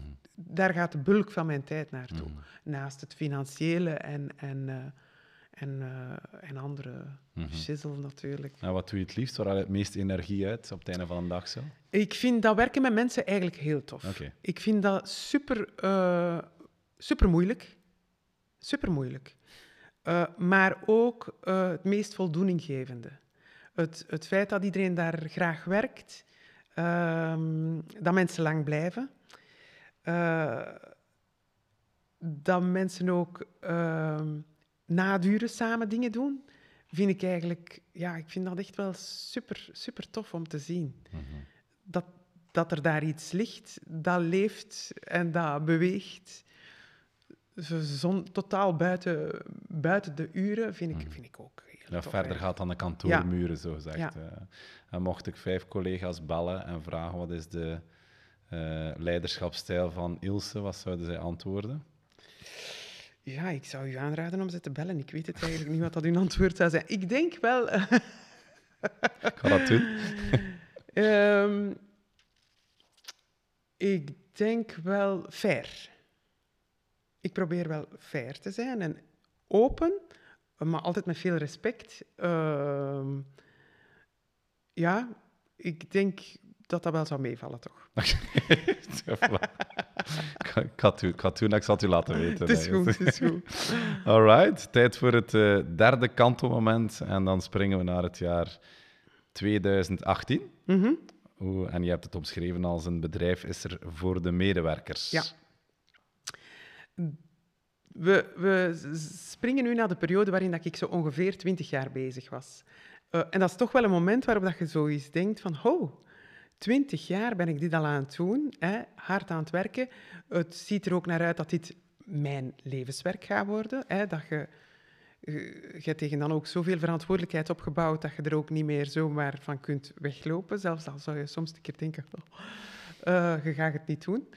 Um, dus dat, dan komt het toch wel op een punt waarop dat je ziet van oké, het draait goed, het loopt goed, het is tof, het, is, het blijft uitdagend, maar waarom ga ik verder? Dat is toch wel zo'n vraag die oppopt, want ja, je werkt nog altijd heel hard. Uh, en niet alleen veel uren, maar ook uh, ja, zo'n zaak is ook zeer intens, altijd. Ook in uw weekend zijn je daarmee bezig. Ook na uw uren blijven je bezig. En soms denkt je toch wel eens, goh, zo met een lege kop het weekend ingaan, dat moet ook wel een keer heel tof zijn eigenlijk. Uh, ja, de mensen die naar uw podcast luisteren, zijn waarschijnlijk ook allemaal mensen die na hun uren en in hun weekend bezig zijn met hoe kan ik mijn zaak versterken. En dat is super tof om dat te doen. Uh, maar er komt toch ook een moment dat je je afvraagt, waarom ben ik dat aan het doen? Wat, wat wil ik daar eigenlijk uithalen?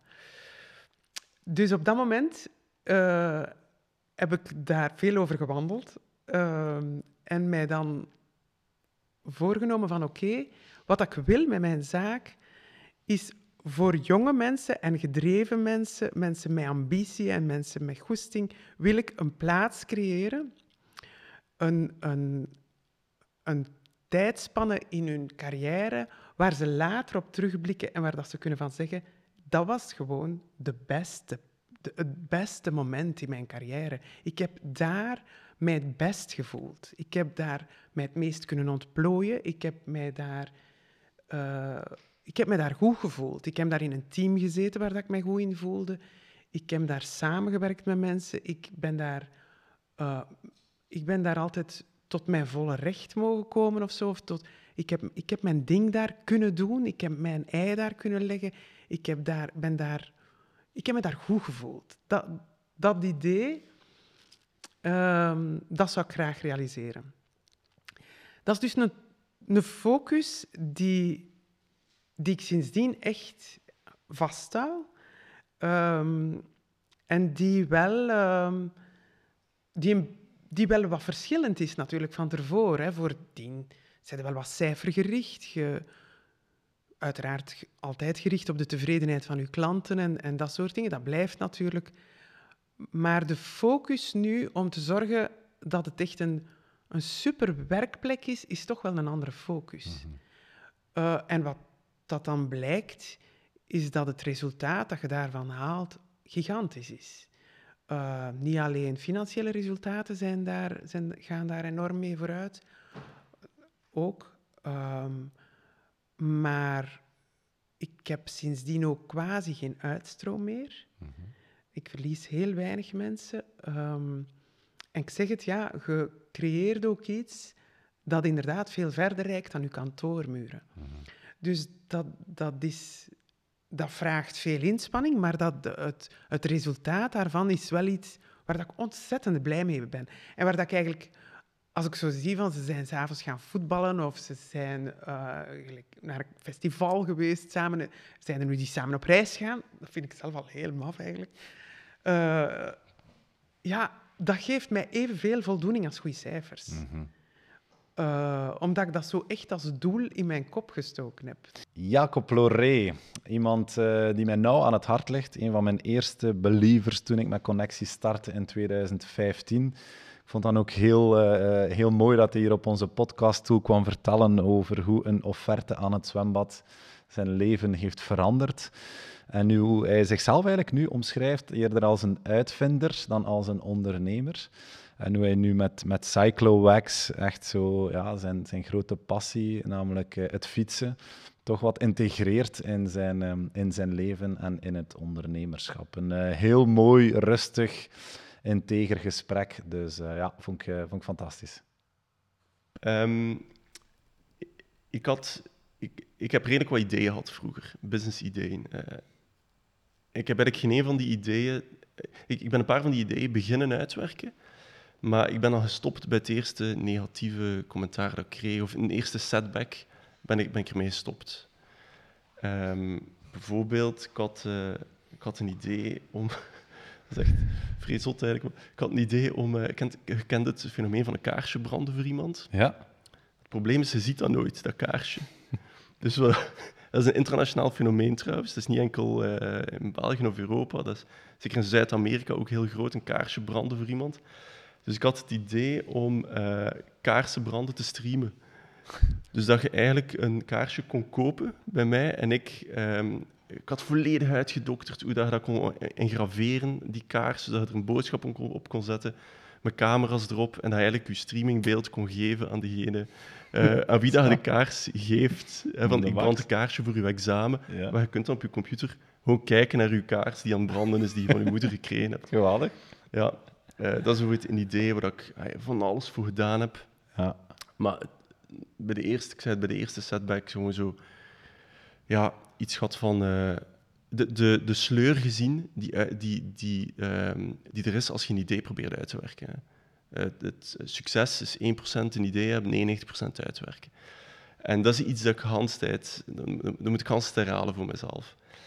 Um, maar ik had dus een paar keren, sprong ik van idee naar idee. En op een bepaald moment had ik het idee om via video... Ik ben in aanraking gekomen met... Um, in een, in een uh, B2B, om, ja, een businessomgeving, hoe dat er met uh, leerstof werd omgegaan. Leerstof om bijvoorbeeld een nogal een saai ERP-pakket, ERP-software te mhm. leren. Dus je komt binnen als nieuwe medewerker en je moet het ERP-systeem kennen.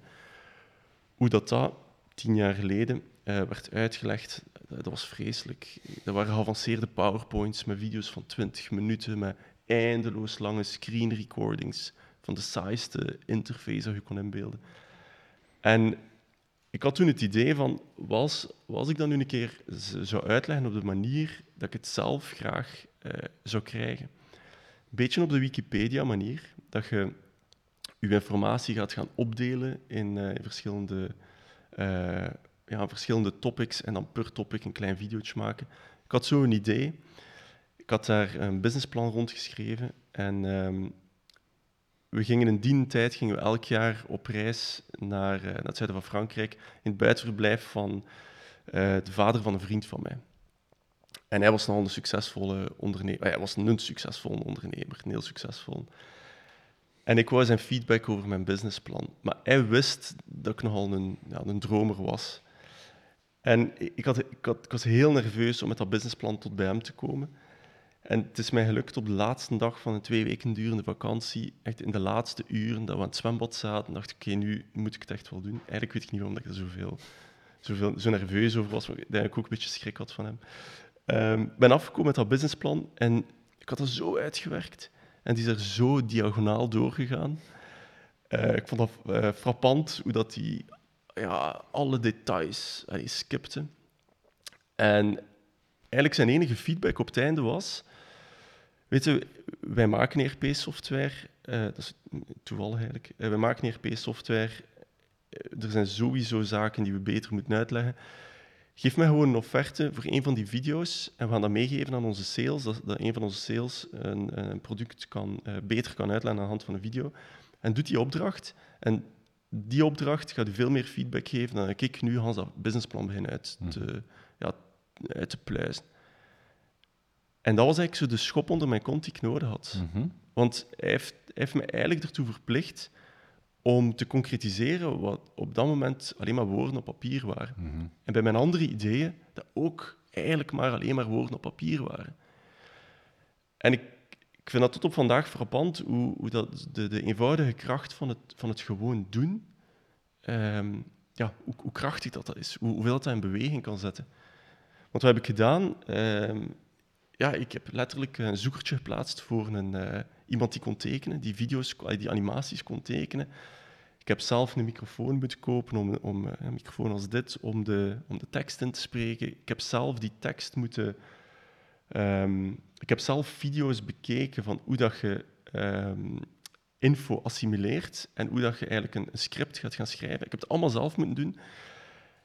En uiteindelijk, door dat allemaal te doen, tegen, tegen dat die video er was, was er eigenlijk al een tweede vraag en een mhm. derde vraag. En die eerste video's hadden succes, die werden gewoon ontvangen. En ja, twee, drie jaar later, ik ben erin gerold, twee, drie jaar later hadden we vijf man op de payroll. En vijf jaar na die, na die datum waren we met tien, tien of twaalf mensen. En waren we eigenlijk samen met twee andere concurrenten ja, de, de marktleiders in België op vlak van one-minute animated video's. Mhm. En ik heb het gevoel dat er tussen die schop onder mijn kont en die tien man die we hadden, ja, dat is een paar jaar over gegaan, maar ik, ik, ben, ik heb non-stop achter mijn computer gezeten. Mhm. Dus dat was wat ik nodig had. Dus dat is, dat is een van de grootste kantelmomenten in mijn leven geweest. Mhm. Ehm, dus ik bedank uh, die man. Hij, is, hij, leeft niet meer, maar ehm, ik uh, ben hem er altijd dankbaar voor. Ja. Maar moest uh, die avond niet naar hem geweest zijn, was er geen sprake misschien van, van well played? Of, of... Nee, zeker niet. Ja. Zeker niet, omdat um, dat was niet... Het, ik vond dat niet de meest sexy business. Dus ik had mhm. dat idee zeker laten varen. Ik had er zeker niet mee doorgezet. En ja, dan weet ik niet wat ik gedaan had, maar het, was niet, het ging niet video zijn. Mm ja. Dus wat heb je daaruit geleerd? Het, het, dat momentum, of het moment dat je toch de vraag hebt gesteld? Niet te lang blijven vastzitten in die ideeënfase. Um, en de kracht van het gewoon doen. Dus de, de uit... Hey, mijn moeder bijvoorbeeld is iemand, is iemand die heel snel gaat zeggen van als je een idee hebt, je moet het beschermen, je moet het beschermen. Want anderen gaan het ook beginnen doen. Maar dat is niet zo het gewoon doen, daarin zit de kracht. De kracht zit hem niet in, in het idee ontwikkelen. Uh. Het gesprek met Ruud Janssens was in die zin uh, bijzonder dat zij haar hond had meegebracht. Dus uh, wij hadden hier voor het eerst een, uh, een duo-gesprek met een, met een huisdier. Um, ja, en vooral de manier waarop dat ze over haar faillissement open spreekt, is toch wel nog altijd vernieuwend en, en vooral ook nodig. En wat zij daar heeft uitgeleerd. En haar, haar nieuwe insteek richting ja, investeren in bedrijven en niet alleen met geld, maar ook met kennis en begeleiding. Dat was eigenlijk uh, ja, een heel mooi, een mooi gevolg van wat eigenlijk iets wat, wat veel minder leuk was, maar waar zij toch opnieuw het positieve heeft van ingezien en van dat moeilijk moment een opportuniteit heeft gemaakt. Want dat is dan eigenlijk meteen jouw, jouw tweede kantelmoment, het faillissement. Ja, mooi bruggetje. Ja, ja uh, hoe, hoe, voor de mensen die dat eigenlijk nog nooit hebben meegemaakt, hoe gaat zo'n proces? Ja, ik heb opnieuw hulp gevraagd. Dus, en zeker op dat moment, want er zijn ja, soms mensen die naar mij bellen van uh, help, ik sta hier voor een faillissement, wat moet ik doen? Dan zeg ik altijd, zoek een, een goede advocaat die je kunt vertrouwen. In mijn, allee, ik heb dat echt heel snel gevonden. Um, dat was ja, iemand waar wij vroeger ook mee samenwerkten. En daar ben ik dan te raden gegaan. En, en ja, die hebben mij echt supergoed geholpen. En dan, ja, dan moet je via een uh, rechtsel, noemt dat denk ik, een, uh, dat is zo'n platform, moet je eigenlijk je faillissement aangeven. Mhm.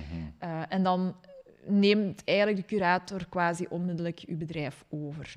Mhm. Dus je, hebt dan, je moet dan eigenlijk alles loslaten. Um, en dan ja, gaat hij of zij je bedrijf... Um, trachten uh, op de rails te krijgen of verkopen. Ja, wat, wat dan op dat moment het, het meest ideale scenario is. Mhm. Maar bo, ik ben daar geen expert in, dus moeten andere mensen uitnodigen om dat hier te komen uit te leggen. Ik kan alleen maar uit ervaring spreken dat dan ja, ik eigenlijk moest toekijken wat er dan gebeurde. Um, en ja, die curator stond dan eigenlijk de dag erna zelfs um, op mijn bureau om... Uh, ja, de nodige documenten komen te halen. En ja, die had heel veel vragen. Mm dus dat was ook niet de makkelijkste periode. Mhm. En wat, wat, is het, of wanneer is het moment dat je beslist, ja, nu gaan we het faillissement aanvragen? Was voor ja, jou dat vragen ook heel veel uh, mensen. En dat is eigenlijk een buikgevoel. Uh, wij waren aan het fundraisen en op een bepaald moment dacht ik, ja, dit gaat niet lukken. Um, we krijgen dat hier niet meer rond. En dan ben ik wel met de investeerders eerst gaan praten, de huidige investeerders, van ja, hoe zien jullie dat? Er was toen een afspraak dat, er dat er, zij klaar stonden met een cofinanciering. Dus zij wilden ook wel dat hun tweede schijf in, in dat geval gedekt werd door een nieuwe investeerder. Die nieuwe investeerder kwam niet. En we hadden daar ook geen zicht op. Dus toen hebben we ehm, eigenlijk gezamenlijk beslist van we gaan hier nu um, de stekker uittrekken. Dat is het meest propere, het meest correcte. Ehm, en dat, hebben we dan, uh, ja, dat heb ik dan gedaan als, mm -hmm. als ja, op dat moment founder.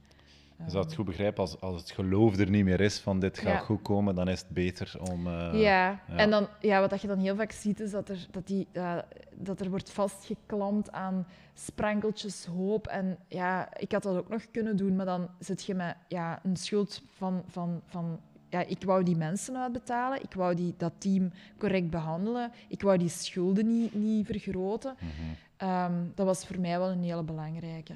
Mhm. dat, dat, ja, dat ik dat proper kon afsluiten. Want je ziet soms faillissementen met enorm diepe putten en dan vind ik dat zo zonde um, dat het zo ver gekomen is. Ja. ja. en wat heb je nog geleerd uit die periode? Um, dat veerkracht ook wel belangrijk is. Zeker, ja. Ja, en ja, ja allee, wat ik, dat je toch wel moet kunnen terugvallen op um, een netwerk, maar dan is dan een ander netwerk dan je professioneel netwerk. Um, in die zin, ja, dat je dan toch wel naar terug, allee, familie en vrienden kijkt. Um, ja, op dat moment voelde je super kwetsbaar ook. Hè. Ik was toen, pas op, ik heb mijn faillissement is, uh, allee, ik heb mijn mijn faillissement moeten indienen in de week van mijn bevalling van mijn, van mijn dochter, van mijn tweede kind. Dus dat kwam allemaal tezamen. Ik weet nog dat ik mijn weeën op de parking van, van de materniteit aan het bellen was. Dat ik zei, ja, ik moet gaan bevallen, sorry, ik moet echt afleggen. Dat die mensen aan de andere kant, ik weet nog wie het was, dat die zei, oké, dat is echt een goed argument, uh, we zullen later verder praten. Okay. Maar allee, om maar te zeggen wat, dat, wat een chaos dat, dat was op dat moment. Ik kon ook niet langer, ik kon het ook niet langer trekken. En ik, heb, allee, ik, heb, ik, had, ik kon toen wel zeggen dat ik alles had gedaan om, om het te proberen te redden. En als je dat voor je eigen kunt uitmaken, en dan heb je nog de support van, van je investeerders, dan denk ik dat je alleen met gerust hart mm um, daar de stekker kunt uittrekken. En dan had ik nog ja, privé mijn bevalling.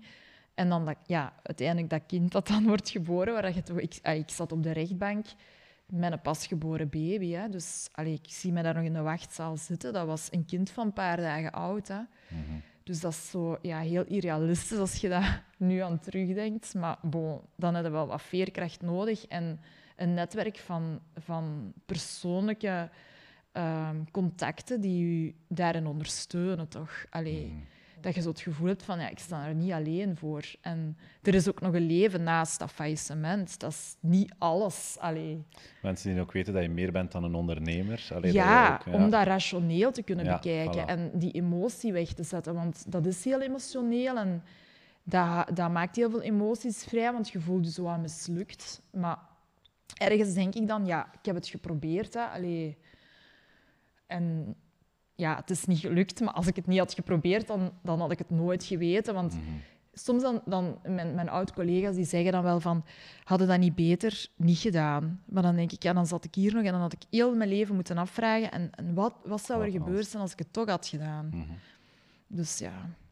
En, en is dat ook de reden waarom dat je dan, ik heb dan gelezen dat je relatief snel de knop hebt kunnen omdraaien en niet te veel medelijden en zo nodig had? Is ja, dat dan de maar pas op, ik heb daar ook wel persoonlijk, pas op, dat heeft mij wel wat geld gekost, maar nu niet om te zeggen gigantische bedragen. Als ik soms faillissementen zie, want ik volg dat wel zo van, van op afstand, er zijn ook schrijnende situaties. Hè. Mensen die hun huis verliezen, mm ja, waar dat echt gewoon, ja, waar dat echt alles weg is. Hè. En dat heb ik niet, niet voorgehad. Dus je kunt dat ook niet vergelijken, want ik zit hier nu wel, wat faillissementen, je moet er snel een stekker uittrekken en veerkracht en, uh, en je netwerk en hop, we zijn terug vertrokken ik ga er niet van uit dat dat voor iedereen zo is. Hè. Mhm. Ik denk dat mijn situatie nog bij de best mogelijke uh, cases dan uh, valt. Ja, ik denk dat er veel schrijnendere situaties zijn.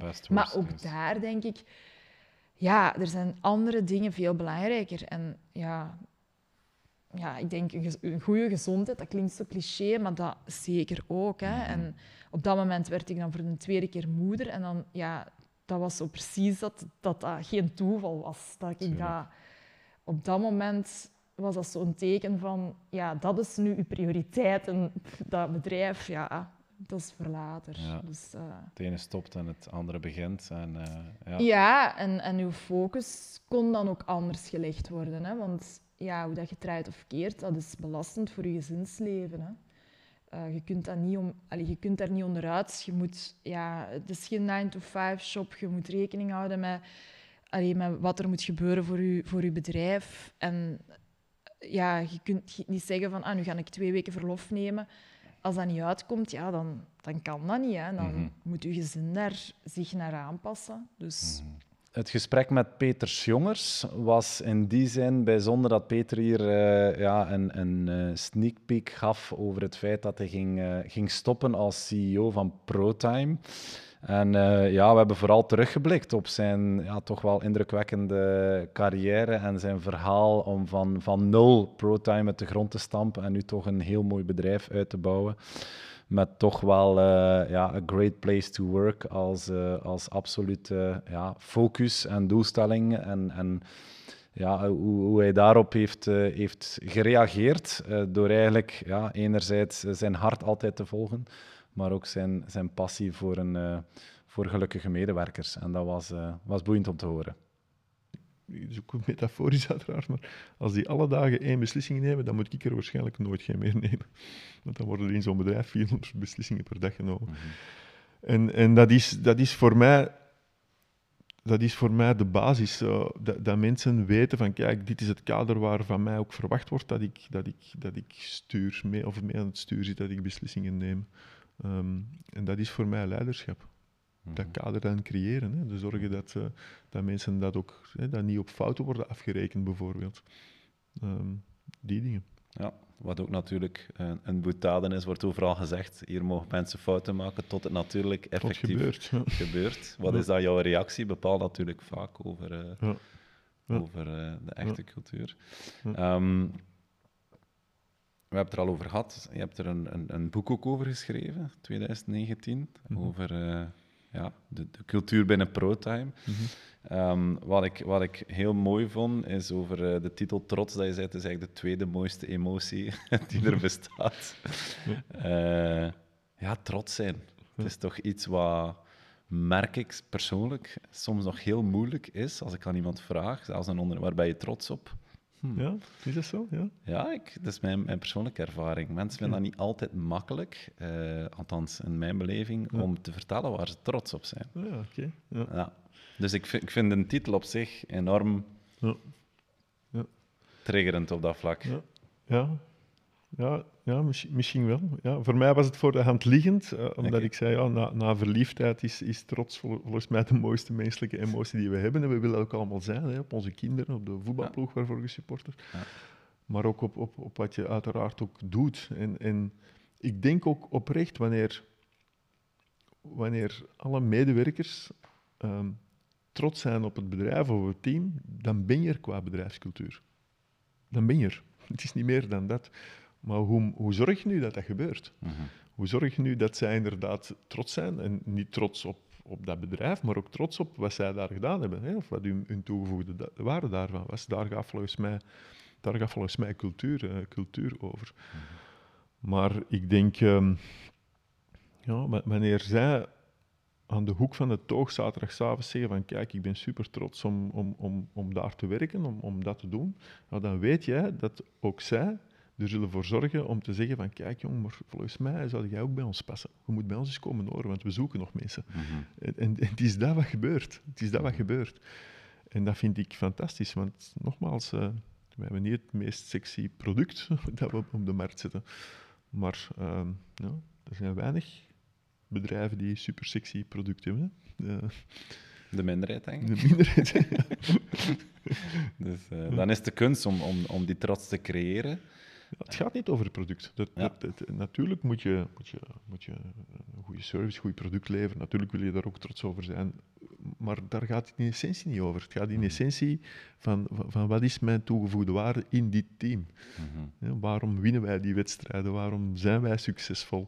Waarom hebben wij een clip kunnen omzeilen? Mm -hmm. Het zijn die dingen die mensen, uh, die mensen trots maakt. Mm -hmm. Als je terugkijkt op uh, jouw mooie carrière ondertussen, wat was het moeilijkste moment? Van die 28 jaar? Ontegensprekelijk het verlies van mijn vernoten.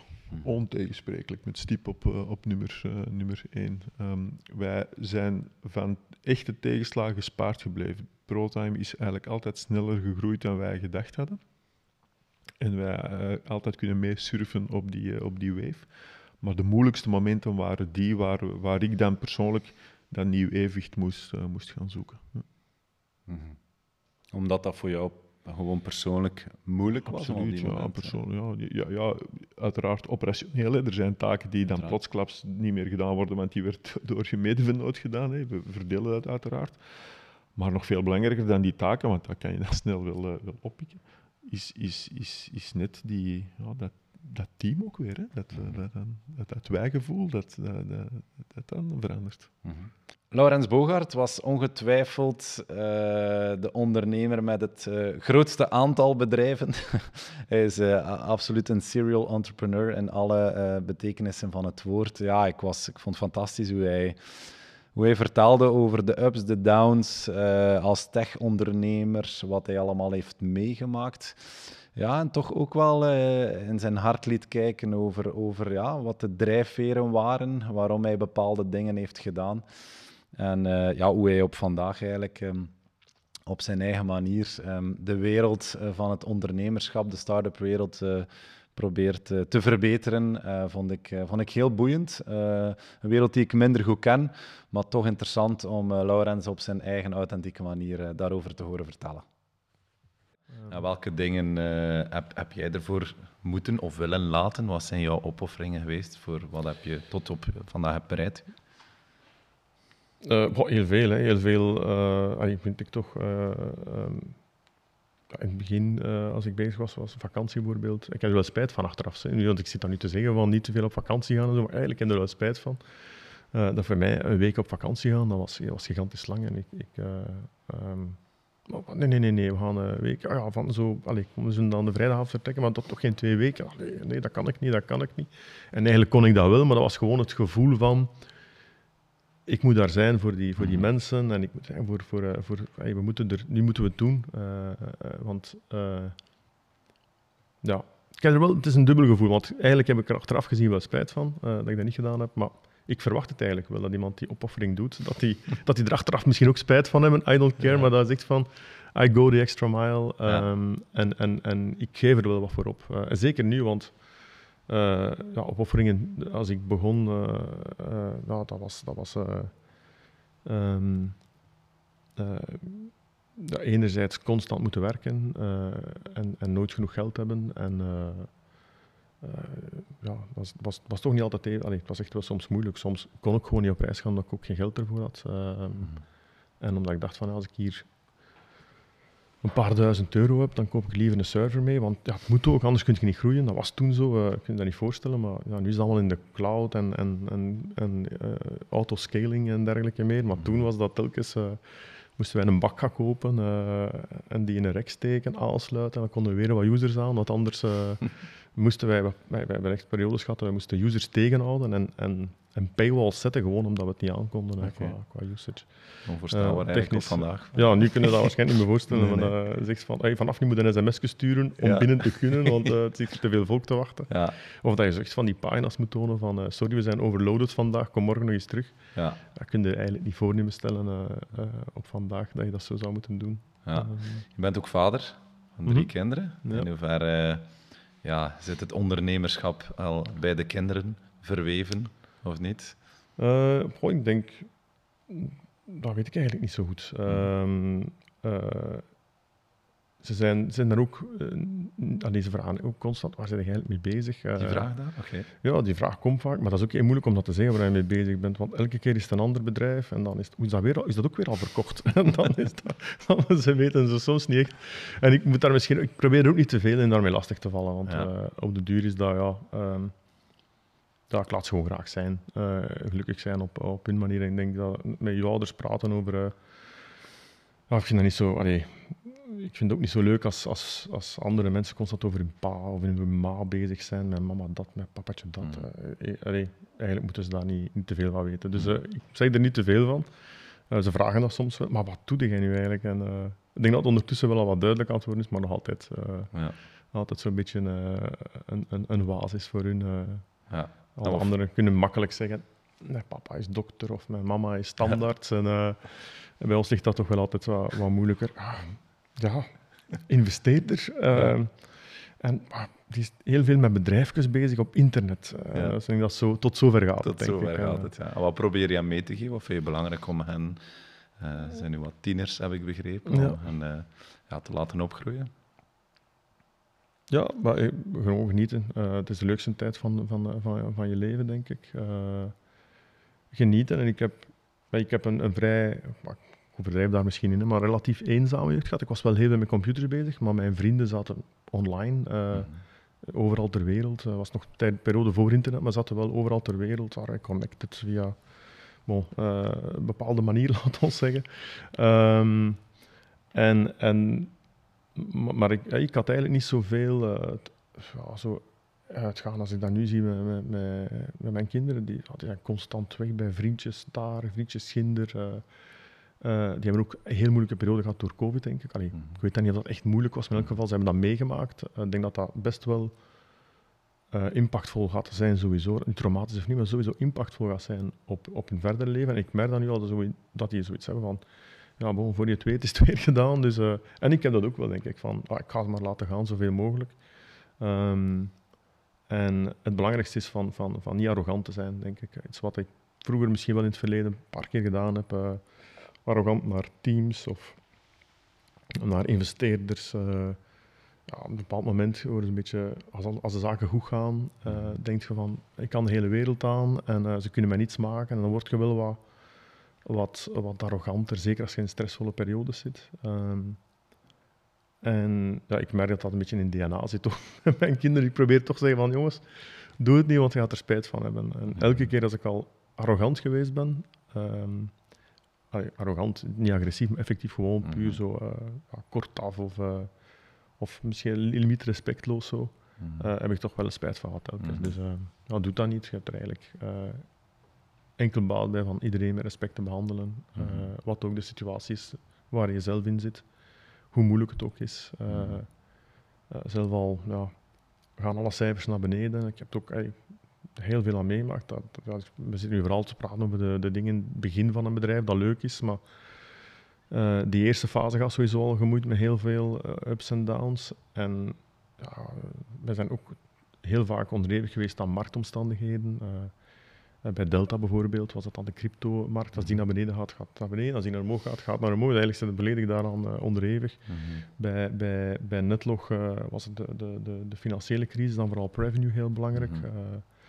Um, hebben heel vaak ja, uh, uh, door, door marktomstandigheden die relatief extern zijn, waar je niet zoveel kan gaan aan doen, mm -hmm. toch wel heel veel druk gaat. Um, en ik denk dat dat wel belangrijk is van, van, van gewoon je ding te doen, te denken waarom ben ik dat aan het doen, omdat ik het graag doe, en niet om willen wat anderen ervan denken. Mm -hmm. en, en, hoe moeilijk is dat? Om dat, is moeilijk, want goh, ik denk dat het eigenlijk gigantisch moeilijk is. Je zit daar eigenlijk toch heel veel nog altijd in bewijsdrang naar, ik weet niet, naar je ouders, naar, u, naar die vrienden die vroeger een beetje raar naar u keken. Ik zeg niet dat ik gepest was vroeger, maar mm. ik was zeker als je wat introverter bent, wel was een raren bekeken. Mm -hmm. um, naar, dat is zoiets waar je zegt van, zit ik dat niet gewoon, voor wie doe je dat eigenlijk allemaal? En, uh, en nu nog een keer, ik zou gewoon kunnen, kunnen uh, veel rustiger aan doen. Waarom, waarom blijf ik dat ook doen?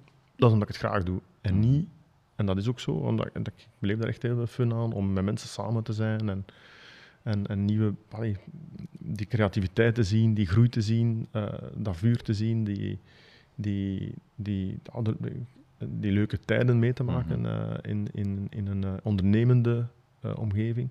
Dat is eigenlijk allee, een van de leukste dingen die er zijn, denk ik.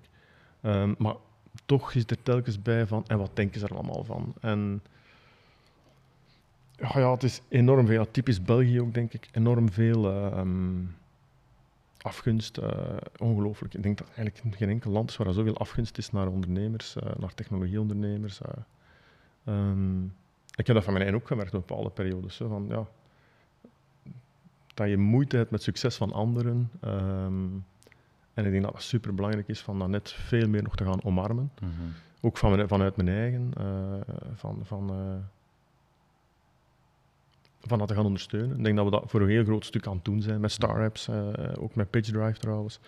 Ehm, en van, van, van, van, van, iedereen te helpen aan het succes. Um, ik doe nu ook veel meer pro bono advisory, echt heel veel, veel te veel waarschijnlijk. Zelf, dat ik andere ondernemers aan het helpen ben of te proberen te helpen, of mhm. introducties probeer te doen her en der. Of dat ik zeg van ja, misschien dat is gewoon belangrijk. Of, of met dingen bezig die, die niet direct geld opbrengen, maar je mhm. zegt van. Um, Voor de dat helpt, ja, dat, dat helpt ervoor van, van, van, van uh, ons land sterker te maken, of onze regio, of Europa uh, tenminste, mm uh, sterker te maken als, als, als, um, als landschap aan, voor mm ondernemer. Effectief die, ja, de, echt, de landbouwgrond is niet meer zo belangrijk tegenwoordig. Het is echt wel de, die knowledge, die kennis die, die, en vooral ook de ondernemerschap uh, die het gaat bepalen voor de toekomst. En hoe zou dat komen dat we hier elkaar wat minder succes ik weet het, kan ook, het kan ook een beetje een uh, perceptie, een, een perceptie zijn, natuurlijk. Ja. Maar ik, ja, denk eerlijk gezegd... ja, ik merk het. Je, je merkt dat gewoon. Mm -hmm. hoe, dat, hoe, dat, hoe dat en nogthans, ik ben, allee, zijn ja, initiatieven zoals wat je doet, echt mm. telkens uh, uh, ondernemers hun verhaal laten doen. Ik denk mm. dat dat super inspirerend kan werken voor heel veel. En voor mij in elk geval, als ik uh, luister naar, naar jullie podcast of, of, jullie activiteiten lees. Maar je hebt ook, ik denk Blueview bijvoorbeeld, is ook super goed bezig daarop. Dat, dat zorgt dat die dingen samengebracht worden. Ook, de tijd en zo geeft ook heel veel, heel veel aandacht eraan. Dus ik denk dat het zeker niet aan de media ligt. Um, maar dat gewoon ligt aan een, ja, een, een, een niet een, een onvoldoende uh, fier zijn op het succes van anderen. Mm -hmm. um, dat dat een beetje moeilijker ligt uh, bij ons, om van ons daar het gevoel te hebben van I'm part of it. Mm -hmm. En dat ligt een beetje ook aan, aan het feit dat we, dat we een beperkte IPO-cultuur hebben. Waar dat, mm -hmm. we, we, hebben dat ene keer gehad met uh, Lennart en Aspi, uh, waar veel mensen in dat bedrijf zelfs niet kennen, maar in elk geval, uh, dat was zoiets waar iedereen het gevoel had van het is van ons en iedereen heel fier op was. En uh, even mensen er ook heel veel geld aan verloren. Um, en ik denk dat we daar een beetje een trauma van hebben misschien. Nog altijd. Voor dat er nog altijd leeft van, ja, eigenlijk zijn er niet zoveel successen gekomen op de beurs sindsdien, helaas. En dat is misschien iets wat ik wel ooit als kantelmoment nog hoop te, bereiken. Te bereiken. Dat is een bedrijfje dat we opgestart hebben. naar de beurs gaat. Dat is een beetje een, een, een droom een droom. Ik weet niet waarom, want eigenlijk, het zou in elk geval niet met mij zijn. Ik denk dat ik er juist de guy voor ben om dat, uh, um, uh, om dat te gaan trekken, dat traject, om naar de beurs, om beursgang te betrekken. Maar ja, dat is iets waar je bij betrokken geweest bent. Tuurlijk.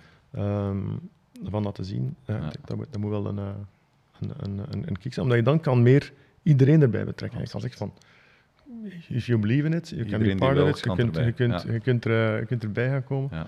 En, en ja, dat is een cultuur die, die, als je dan vergelijkt met de States, wel uh, veel meer publieke bedrijven hebt. Uh, um, terwijl onze equity heel vaak uh, private blijft en in families blijft en in een heel klein groepje um, blijft steken. Hm, wat de gunfactor betreft, ik zou zeggen, laten we bij onszelf beginnen om elkaar succes te, te gunnen en komen we misschien al een heel eind weg.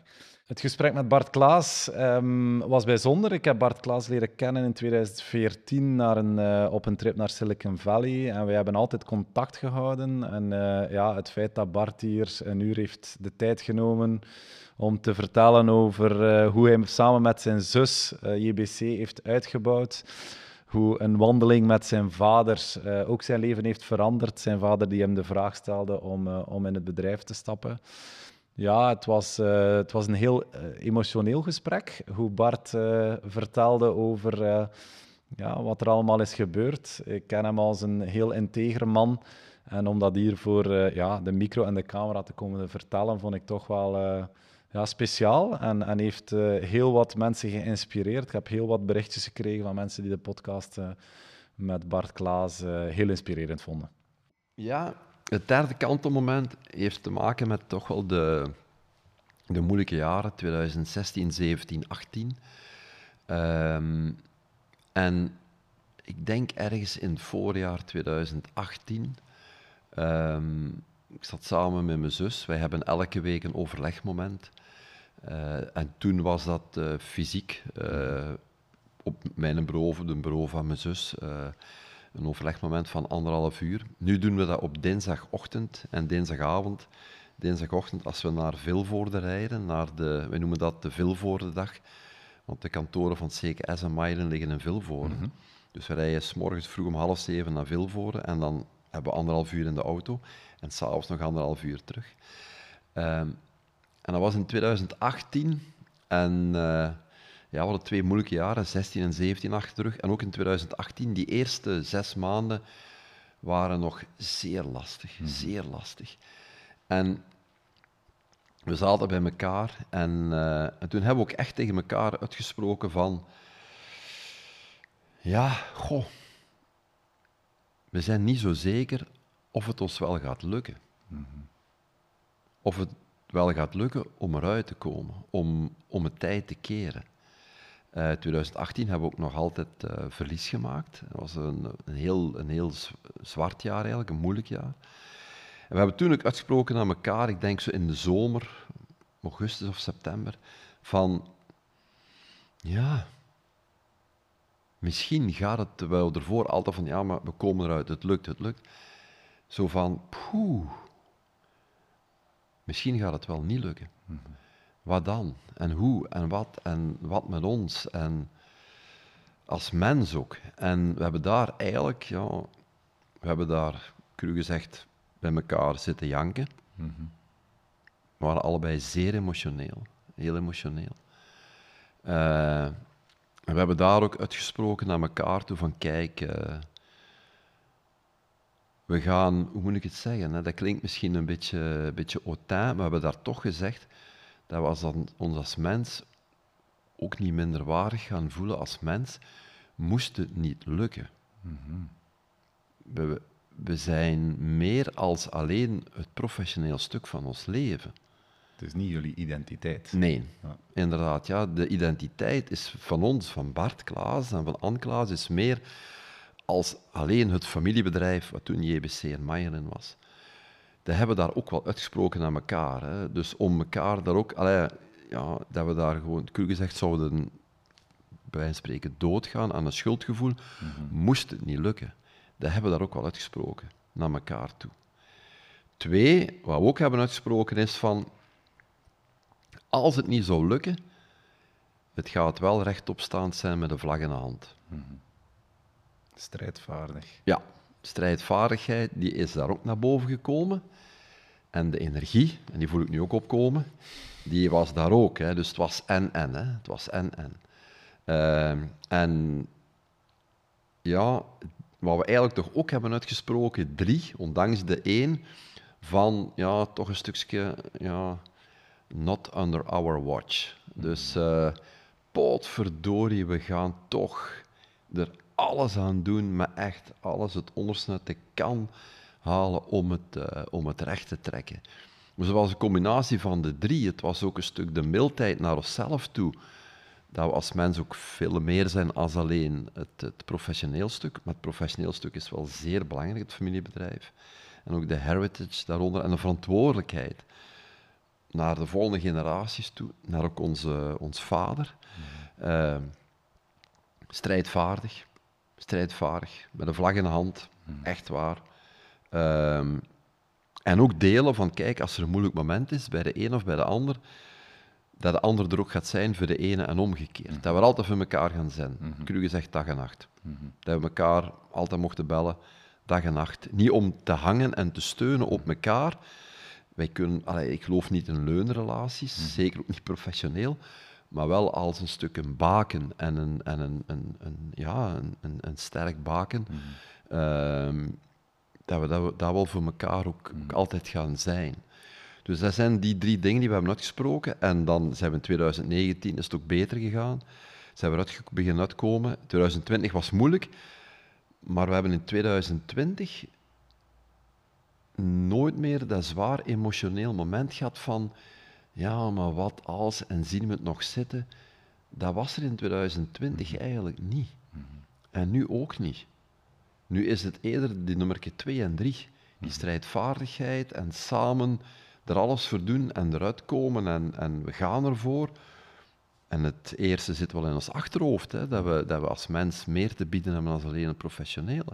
Ondertussen zijn we allebei ook grootouder. Hè. In 2018 waren we nog geen grootouder. Mm. Mijn zus heeft drie kleinkinderen. Mm dat is daarna allemaal gekomen. Uh, toeval zal ook daar niet bestaan. Dus ze zijn nog alle drie aanwezig, maar, maar uh, ja, dat was eigenlijk een heel mooi moment naar elkaar toe. En het eerste was, denk ik, het meest significante van de drie maar ik zou ook niet willen dat we toen zo het gevoel hadden van, ja, weet je, als het niet is, zal het ook maar niet. Nee, nee, het, Was, het was en, en, en. Hè. Het was en, en, en. Maar de andere optie was dat je het niet ging uitspreken naar elkaar, een beetje voor jezelf houden. Hoe belangrijk was dat om dat te doen op dat moment? Ja, zeer belangrijk. Omdat dat ook een stuk, ja, een stuk ook geruststelling gaf naar hmm. elkaar toe van, ja, maar weet je, we weten van ons eigen dat we er alles voor doen. Hmm. Alles. Uh, dus ook geruststelling naar elkaar toe van, ja, weet je, ja, we willen er niet aan ten onder gaan en, en elkaar, ik weet niet wat we verwijten maken als bepaalde dingen dan toch, ja, cru gezegd, anders, anders zouden uit, uh, uitdraaien op zich. Uh, ik herinner me, ik heb, uh, Peter Hinsen uh, heeft, is een zeer inspirerende verteller over nieuwe evoluties en zo meer. En jaren geleden, als Peter Hinsen bepaalde cases vertelde die het niet gehaald hebben, denk aan Blockbuster en Nokia en andere verhalen die, die jammer genoeg niet gelukt zijn. Ik heb eens ooit gezegd, zeg Peter, ik zeg, heb je ooit afgevraagd wat jij als CEO van die bedrijven zelf zou beslist hebben en ook of je de mensen zou meekregen hebben in je bedrijf om een volledige omwenteling teweeg te brengen. Mhm. Ik zeg, ik begrijp wat je vertelt en het is zeer inspirerend, maar als je er zelf middenin zit om het dan zelf een tijd te keer, het te zien, je bestaande business voor 90% bijna te gaan schrappen, op korte tijd iets nieuws op te starten, al die mensen mee te krijgen. Dat is het is ook niet zo makkelijk. Nee, nee. En ik merk dat hij sindsdien ook veel milder is geworden mhm. in zijn, uh, in zijn, uh, in zijn uiteenzetting. En dat hij nu vaak de, uh, de woordenschat van oeh, maar ook ah gebruikt. Van ja, oei, oei, maar als je erin zit. en dat is eigenlijk het gevoel dat we daar met elkaar gedeeld hebben, mijn zus en ik. Mhm. je krijgt een ongelooflijke druk op, het, op de hele kledingsector, op heel dat middensegment. En, en iedereen heeft er ook min of meer last van. Mhm. en, en iedereen is, doet hartstikke zijn best om daar op de goede manier mee om te gaan. Mhm. Maar de uitdagingen zijn best wel, uh, wel pittig. Mhm. Dus in die zin is die mild, mildheid, compassionate, ik vind het woord compassionate in het Engels een zeer mooi woord. Dirk de Wachter schrijft er ook heel mooie boeken over. Is voor mij wel een uh, heel belangrijk uh, kenmerk dat je als mens moet hebben. De laatste podcast van dit jaar was met Pieter Janssens. En dan hebben we een uitje gemaakt, want we zijn, uh, we zijn tot bij hem gereden in, uh, in Herentals, tot bij I.O. En Pieter Janssens um, was de, de campische bescheidenheid zelf. De manier waarop hij heeft verteld uh, over ja, zijn, zijn heel straf internationaal parcours ondertussen als ondernemer is mij, is mij bijgebleven. En uh, hoe het vaderschap ervoor heeft gezorgd dat hij ja, op vrijdagavond de laptop dichtklapt en die pas terug open doet op zondagavond of maandagmorgen. Ja, heeft mij toch doen nadenken over het feit dat het niet afhangt hoe groot of hoe klein uw bedrijf is, maar dat eigenlijk vooral gaat over wat zijn jouw prioriteiten als, uh, als mens, als ondernemer en jou daarop te organiseren. Dus uh, ja, super mooie afsluiter van, uh, van 2022. Ik heb altijd heel veel vrijheid gekregen van, van, van mijn partner, van Lisbeth, om, om te blijven gaan. En ik heb in alle eerlijkheid ook in de, in de twintiger jaren, toen ik opstartte, ik heb met heel weinig dingen rekening moeten mee houden. En dat gaat zowel naar mijn ouders toe, naar mijn gezin toe, uh, of naar mijn, naar mijn partner toe. Maar op een bepaald... En daar ben ik hun extreem dankbaar voor. Dat heeft mij ook in de mogelijkheid gezet, denk ik, om vandaag te staan waar we als bedrijf staan. Um, maar op een bepaald punt in de tijd, hè, diezelfde flexibiliteit kan je niet van je kinderen verlangen. Dat moet je ook niet willen, denk ik. Uh, ik wil... Er zijn genoeg verhalen van, van, van de 65-plus ondernemers die een extreem mooie carrière gebouwd hebben misschien. En dan zeggen, ah ja, dat is juist. En, en, en hoe noemen mijn kinderen nu weer al? Um, dat, dat is iets wat ik heel ver van weg wil blijven. Ehm, en dat heb ik mij echt wel voorgenomen. En ik, ik, hoop so far so good. Lisbeth zal zeggen, ja, het mag nog iets meer thuis zijn, ongetwijfeld. Maar dan heb ik me wel voorgenomen vanaf dag één inderdaad, uh, dat ik de, in die valkuil niet wil trappen. Mhm. Een aantal heel concrete zaken. Ehm, ik werk niet in het weekend. Dus voor mij stopt de werkweek op vrijdag om vier uur. Ga ik mee aan de bar hè, bij een aantal collega's iets mee drinken. Vind ik, vind ik een heel belangrijk moment. En over het algemeen, 99% van de weekends gaat de laptop pas terug open op uh, maandagochtend of soms zondagavond 10 uur, om al eens een keer de mailbox door te, door te gaan. Maar die weekends zijn wel heilig. Uh, dus dat is, dat is één. En twee, tijdens de week hebben we ook de afspraak dat ik uh, enerzijds minimum één keer per week de kinderen naar school doe. En minimum drie avonden van de week om zes uur mee aan de tafel zit. Dat wil niet zeggen dat als ze in bed liggen om acht uur niet af en toe de laptop te open gaat. Maar dat zijn zo'n klein beetje de blokken waar, dat, waar ik echt mee kan vasthouden. En wat jou helpt om dat bijna letterlijk in te plannen en ook ervoor te zorgen dat dat gebeurt. Want we weten allemaal hoe makkelijk dat dan is. Het is plots acht uur hè, en de kinderen zitten in bed. Nee. Dus werkelijk daar werkelijk. ook uh, cijfers op zetten, om het zo te zeggen. En deadlines opzetten en blokken enzovoort. En ja, daar sta ik ook echt wel inderdaad. Ik zit drie dagen per week, minimum zes uur, mee aan de tafel.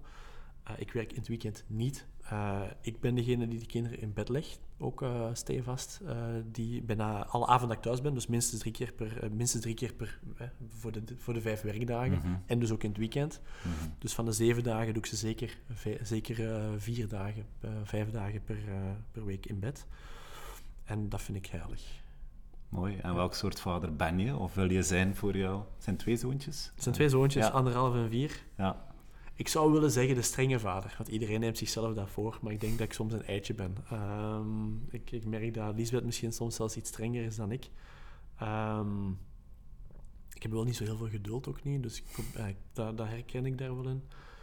Maar ik denk wel de lieve vader. Ik ga een anekdote, allez, anekdote is het niet. Mijn vader staat in het onderwijs. En um, die heeft in het onderwijs altijd een beetje een bijnaam gehad om zeer streng te zijn. En ik had dat pas gehoord, ik vernam dat pas toen ik zelf op die secundaire school kwam, hè, waar hij dan ook te perfect was. En, en ik had een, had een bijnaam, en het klinkt veel zwaar dat de is Jan Tiran, hè, maar zo, zo, is, zo is het. Maar had een bijnaam dat hij echt wel een strenge mens was op school. En ik snapte dat niet. Want, thuis was, dat, was mama was de strenge en als vader dat was de lieve man die, die daar altijd staat en hè, nog altijd staat. De, de zachte. En dat, is heel, dat was heel raar om, om als tiener inderdaad te voelen van shit. Dat, en ik moet zeggen, ik denk dat ik ook in de organisatie wel gekend ben als iemand die vrij kordaat kan zijn en duidelijk kan zijn en, en door. Maar ik herken mezelf daarin, want van thuis ben ik dan eigenlijk ben ik best wel helemaal uh, best wel wat minder streng en veel zachter daarin. Ik mhm. merk dat zelf, ik merk mijn vader in, in mezelf daar, moet ik zeggen. Je hebt dat onbewust een stukje overgenomen? Of, uh... Ja, moet zijn. Ja. Uh, absoluut. Ja, en welke waarden wil je nog meegeven aan je kinderen die je bijvoorbeeld zelf van thuis uit hebt, uh, hebt meegekregen? Um, Eén, positief in het leven staan. Ik hou niet van zwartgallig gedoe. twee, voetjes op de grond. Um, dat vind ik ook een extreem belangrijke en werken. Maar werken op het tempo en, en aan iets dat je leuk vindt. En wat ik zeker nooit zou willen doen, is hun motiveren om hetzelfde te doen dan ik. Want ik begrijp ook wel goed dat ja, wat, alles wat wij doen binnen Intracto en nu IO is gedreven door passie en je doet het graag. Maar ik begrijp ook verdomd goed dat ik niet het makkelijkste levenspad gekozen heb. En niet het minst, uh, minst stressvolle pad gekozen heb. En niet het minst zorgelijke pad gekozen heb. En ik weet eigenlijk niet dat ik hun hetzelfde zou aanbevelen. Ik zou hun absoluut aanbevelen om iets te doen wat ze graag doen. Maar ik weet niet dat ze, dat ze uh, hetzelfde moeilijke pad moeten nemen daarom. Hmm. Misschien zelfs niet. Hmm. Dus ik, ik, ik zit hier ook niet inderdaad om te zeggen, zij moeten later in mijn voetsporen. Nee, nee, nee. Bedoel, dit hoeft daarom niet zo'n typisch generatiebedrijf te zijn. Zoals in heel veel industrieën wel het geval is. Dat hoeft, niet, hoeft voor mij niet. Hmm. Dus ja, dat zijn zo'n aantal dingetjes. Ja. Wat, uh, wat drijft je op vandaag, elke dag, om met heel veel goesting en passie uh, te komen? Alles weer beter maken. Het bedrijf weer beter maken, de mens weer beter maken, klanten verder te helpen. Ja, dat is eigenlijk in 17 jaar, het begint een beetje afgezaagd te worden. Hè. Maar ik heb ook een heel saai levenspad eigenlijk. Hè. Ik ben 17 jaar geleden met een bedrijf begonnen en ik doe dat vandaag nog altijd. En ik, het is nog altijd hetzelfde vakgebied, het is nog altijd hetzelfde bedrijf. in een andere context. andere context ondertussen. Ja. Maar datzelfde geldt. Ik hou ervan om dingen te bouwen en om mm. continu beter, dingen, de dingen beter te maken. Mm. Ik zeg altijd, een beetje, een beetje intern al, al grappend, de dag dat ik ga vertellen in de organisatie, ik denk dat we het perfecte bedrijf gebouwd hebben, is de dag dat ze mij via de achterdeur als CEO moeten buiten dragen. Mhm. Want dat is de dag dat ik denk dat ik blind geworden ben voor onze eigen gebreken. En dat is de dag dat gevaarlijk kan worden. Mhm. Ehm, dus zolang dat, ik, dat, dat de lijst van de dingen die we beter kunnen en moeten doen groter is mhm. dan de dingen die we al goed doen, die je ook nooit uit het oog mag verliezen, je moet compliment en je moet, uh, moet succes vieren uiteraard, is het goed voor mij. Maar de dag dat de lijst van dit kan nog beter en hier kan ik mee impact op maken klein wordt, dan wordt het gevaarlijk. Wat was het moeilijkste moment in die 17 jaar? Hey, dit is geen voorbereide vraag, hè? Uh, nee, er zijn ook niet voorbereide vragen, Pieter. Uh, ik denk misschien zelfs afscheid moeten nemen van mensen die je persoonlijke warm hart toedraagt, die mee de voorbije jaren het bedrijf gebouwd hebben, maar waarbij je voelt dat er along the way een mismatch ontstaan is tussen de persoon in kwestie uh, en de toekomst en de noden die het bedrijf van morgen nodig heeft. Dus ja, wij hebben ook de voorbije jaren links en rechts, gelukkig niet veel, mhm. afscheid moeten nemen van mensen die een heel grote waardetoevoeging hadden in het verleden. Maar waarbij we zeggen, oké, ergens zitten we hier op een plafond en moeten we andere keuzes gaan maken. Dat is gelukkig maar een paar keer voorgevallen in het verleden, maar dat raakt mij wel als mens. Uh, ik ben op dat gebied wel iemand die best wel tolerant is, misschien iets te lang tolerant is, bij zo'n spreken. Eh, tolerant is een verkeerd woord. Die, die behoudingsgezind is. Ik zal het mhm. even zo zeggen op een aantal fronten. En, en, en daar, uh, daar is, dat is iets wat ik... Ja, maar je wilt het goed doen voor iedereen. Je wilt het mhm. oprecht als mens gewoon goed doen. Maar dat is moeilijk. En dat is moeilijk soms. Hmm. Je, je kan niet voor iedereen de goede zijn, want dan ga je op een gegeven moment echt wel als bedrijf een probleem hebben.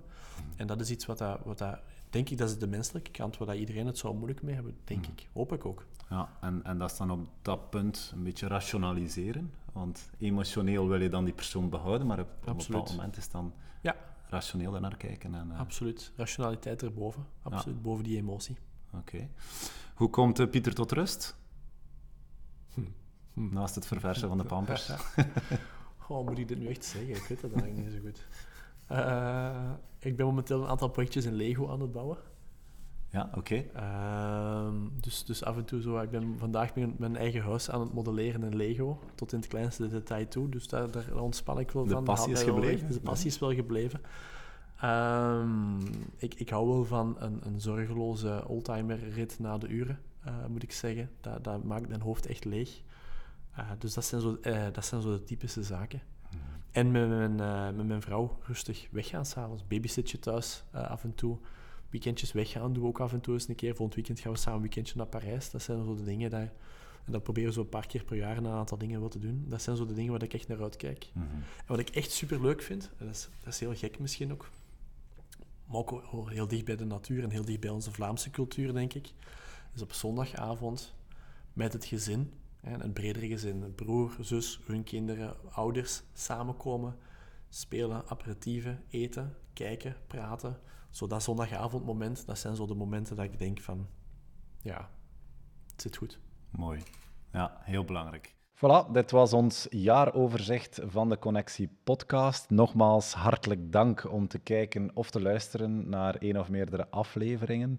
We gaan uiteraard door. We hebben nog heel wat uh, mooie plannen en uh, inspirerende gasten op onze, op onze lijst staan.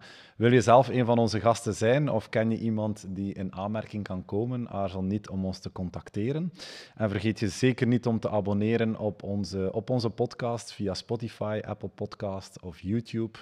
En dan uh, mis je geen enkele aflevering. Bedankt en tot de volgende keer.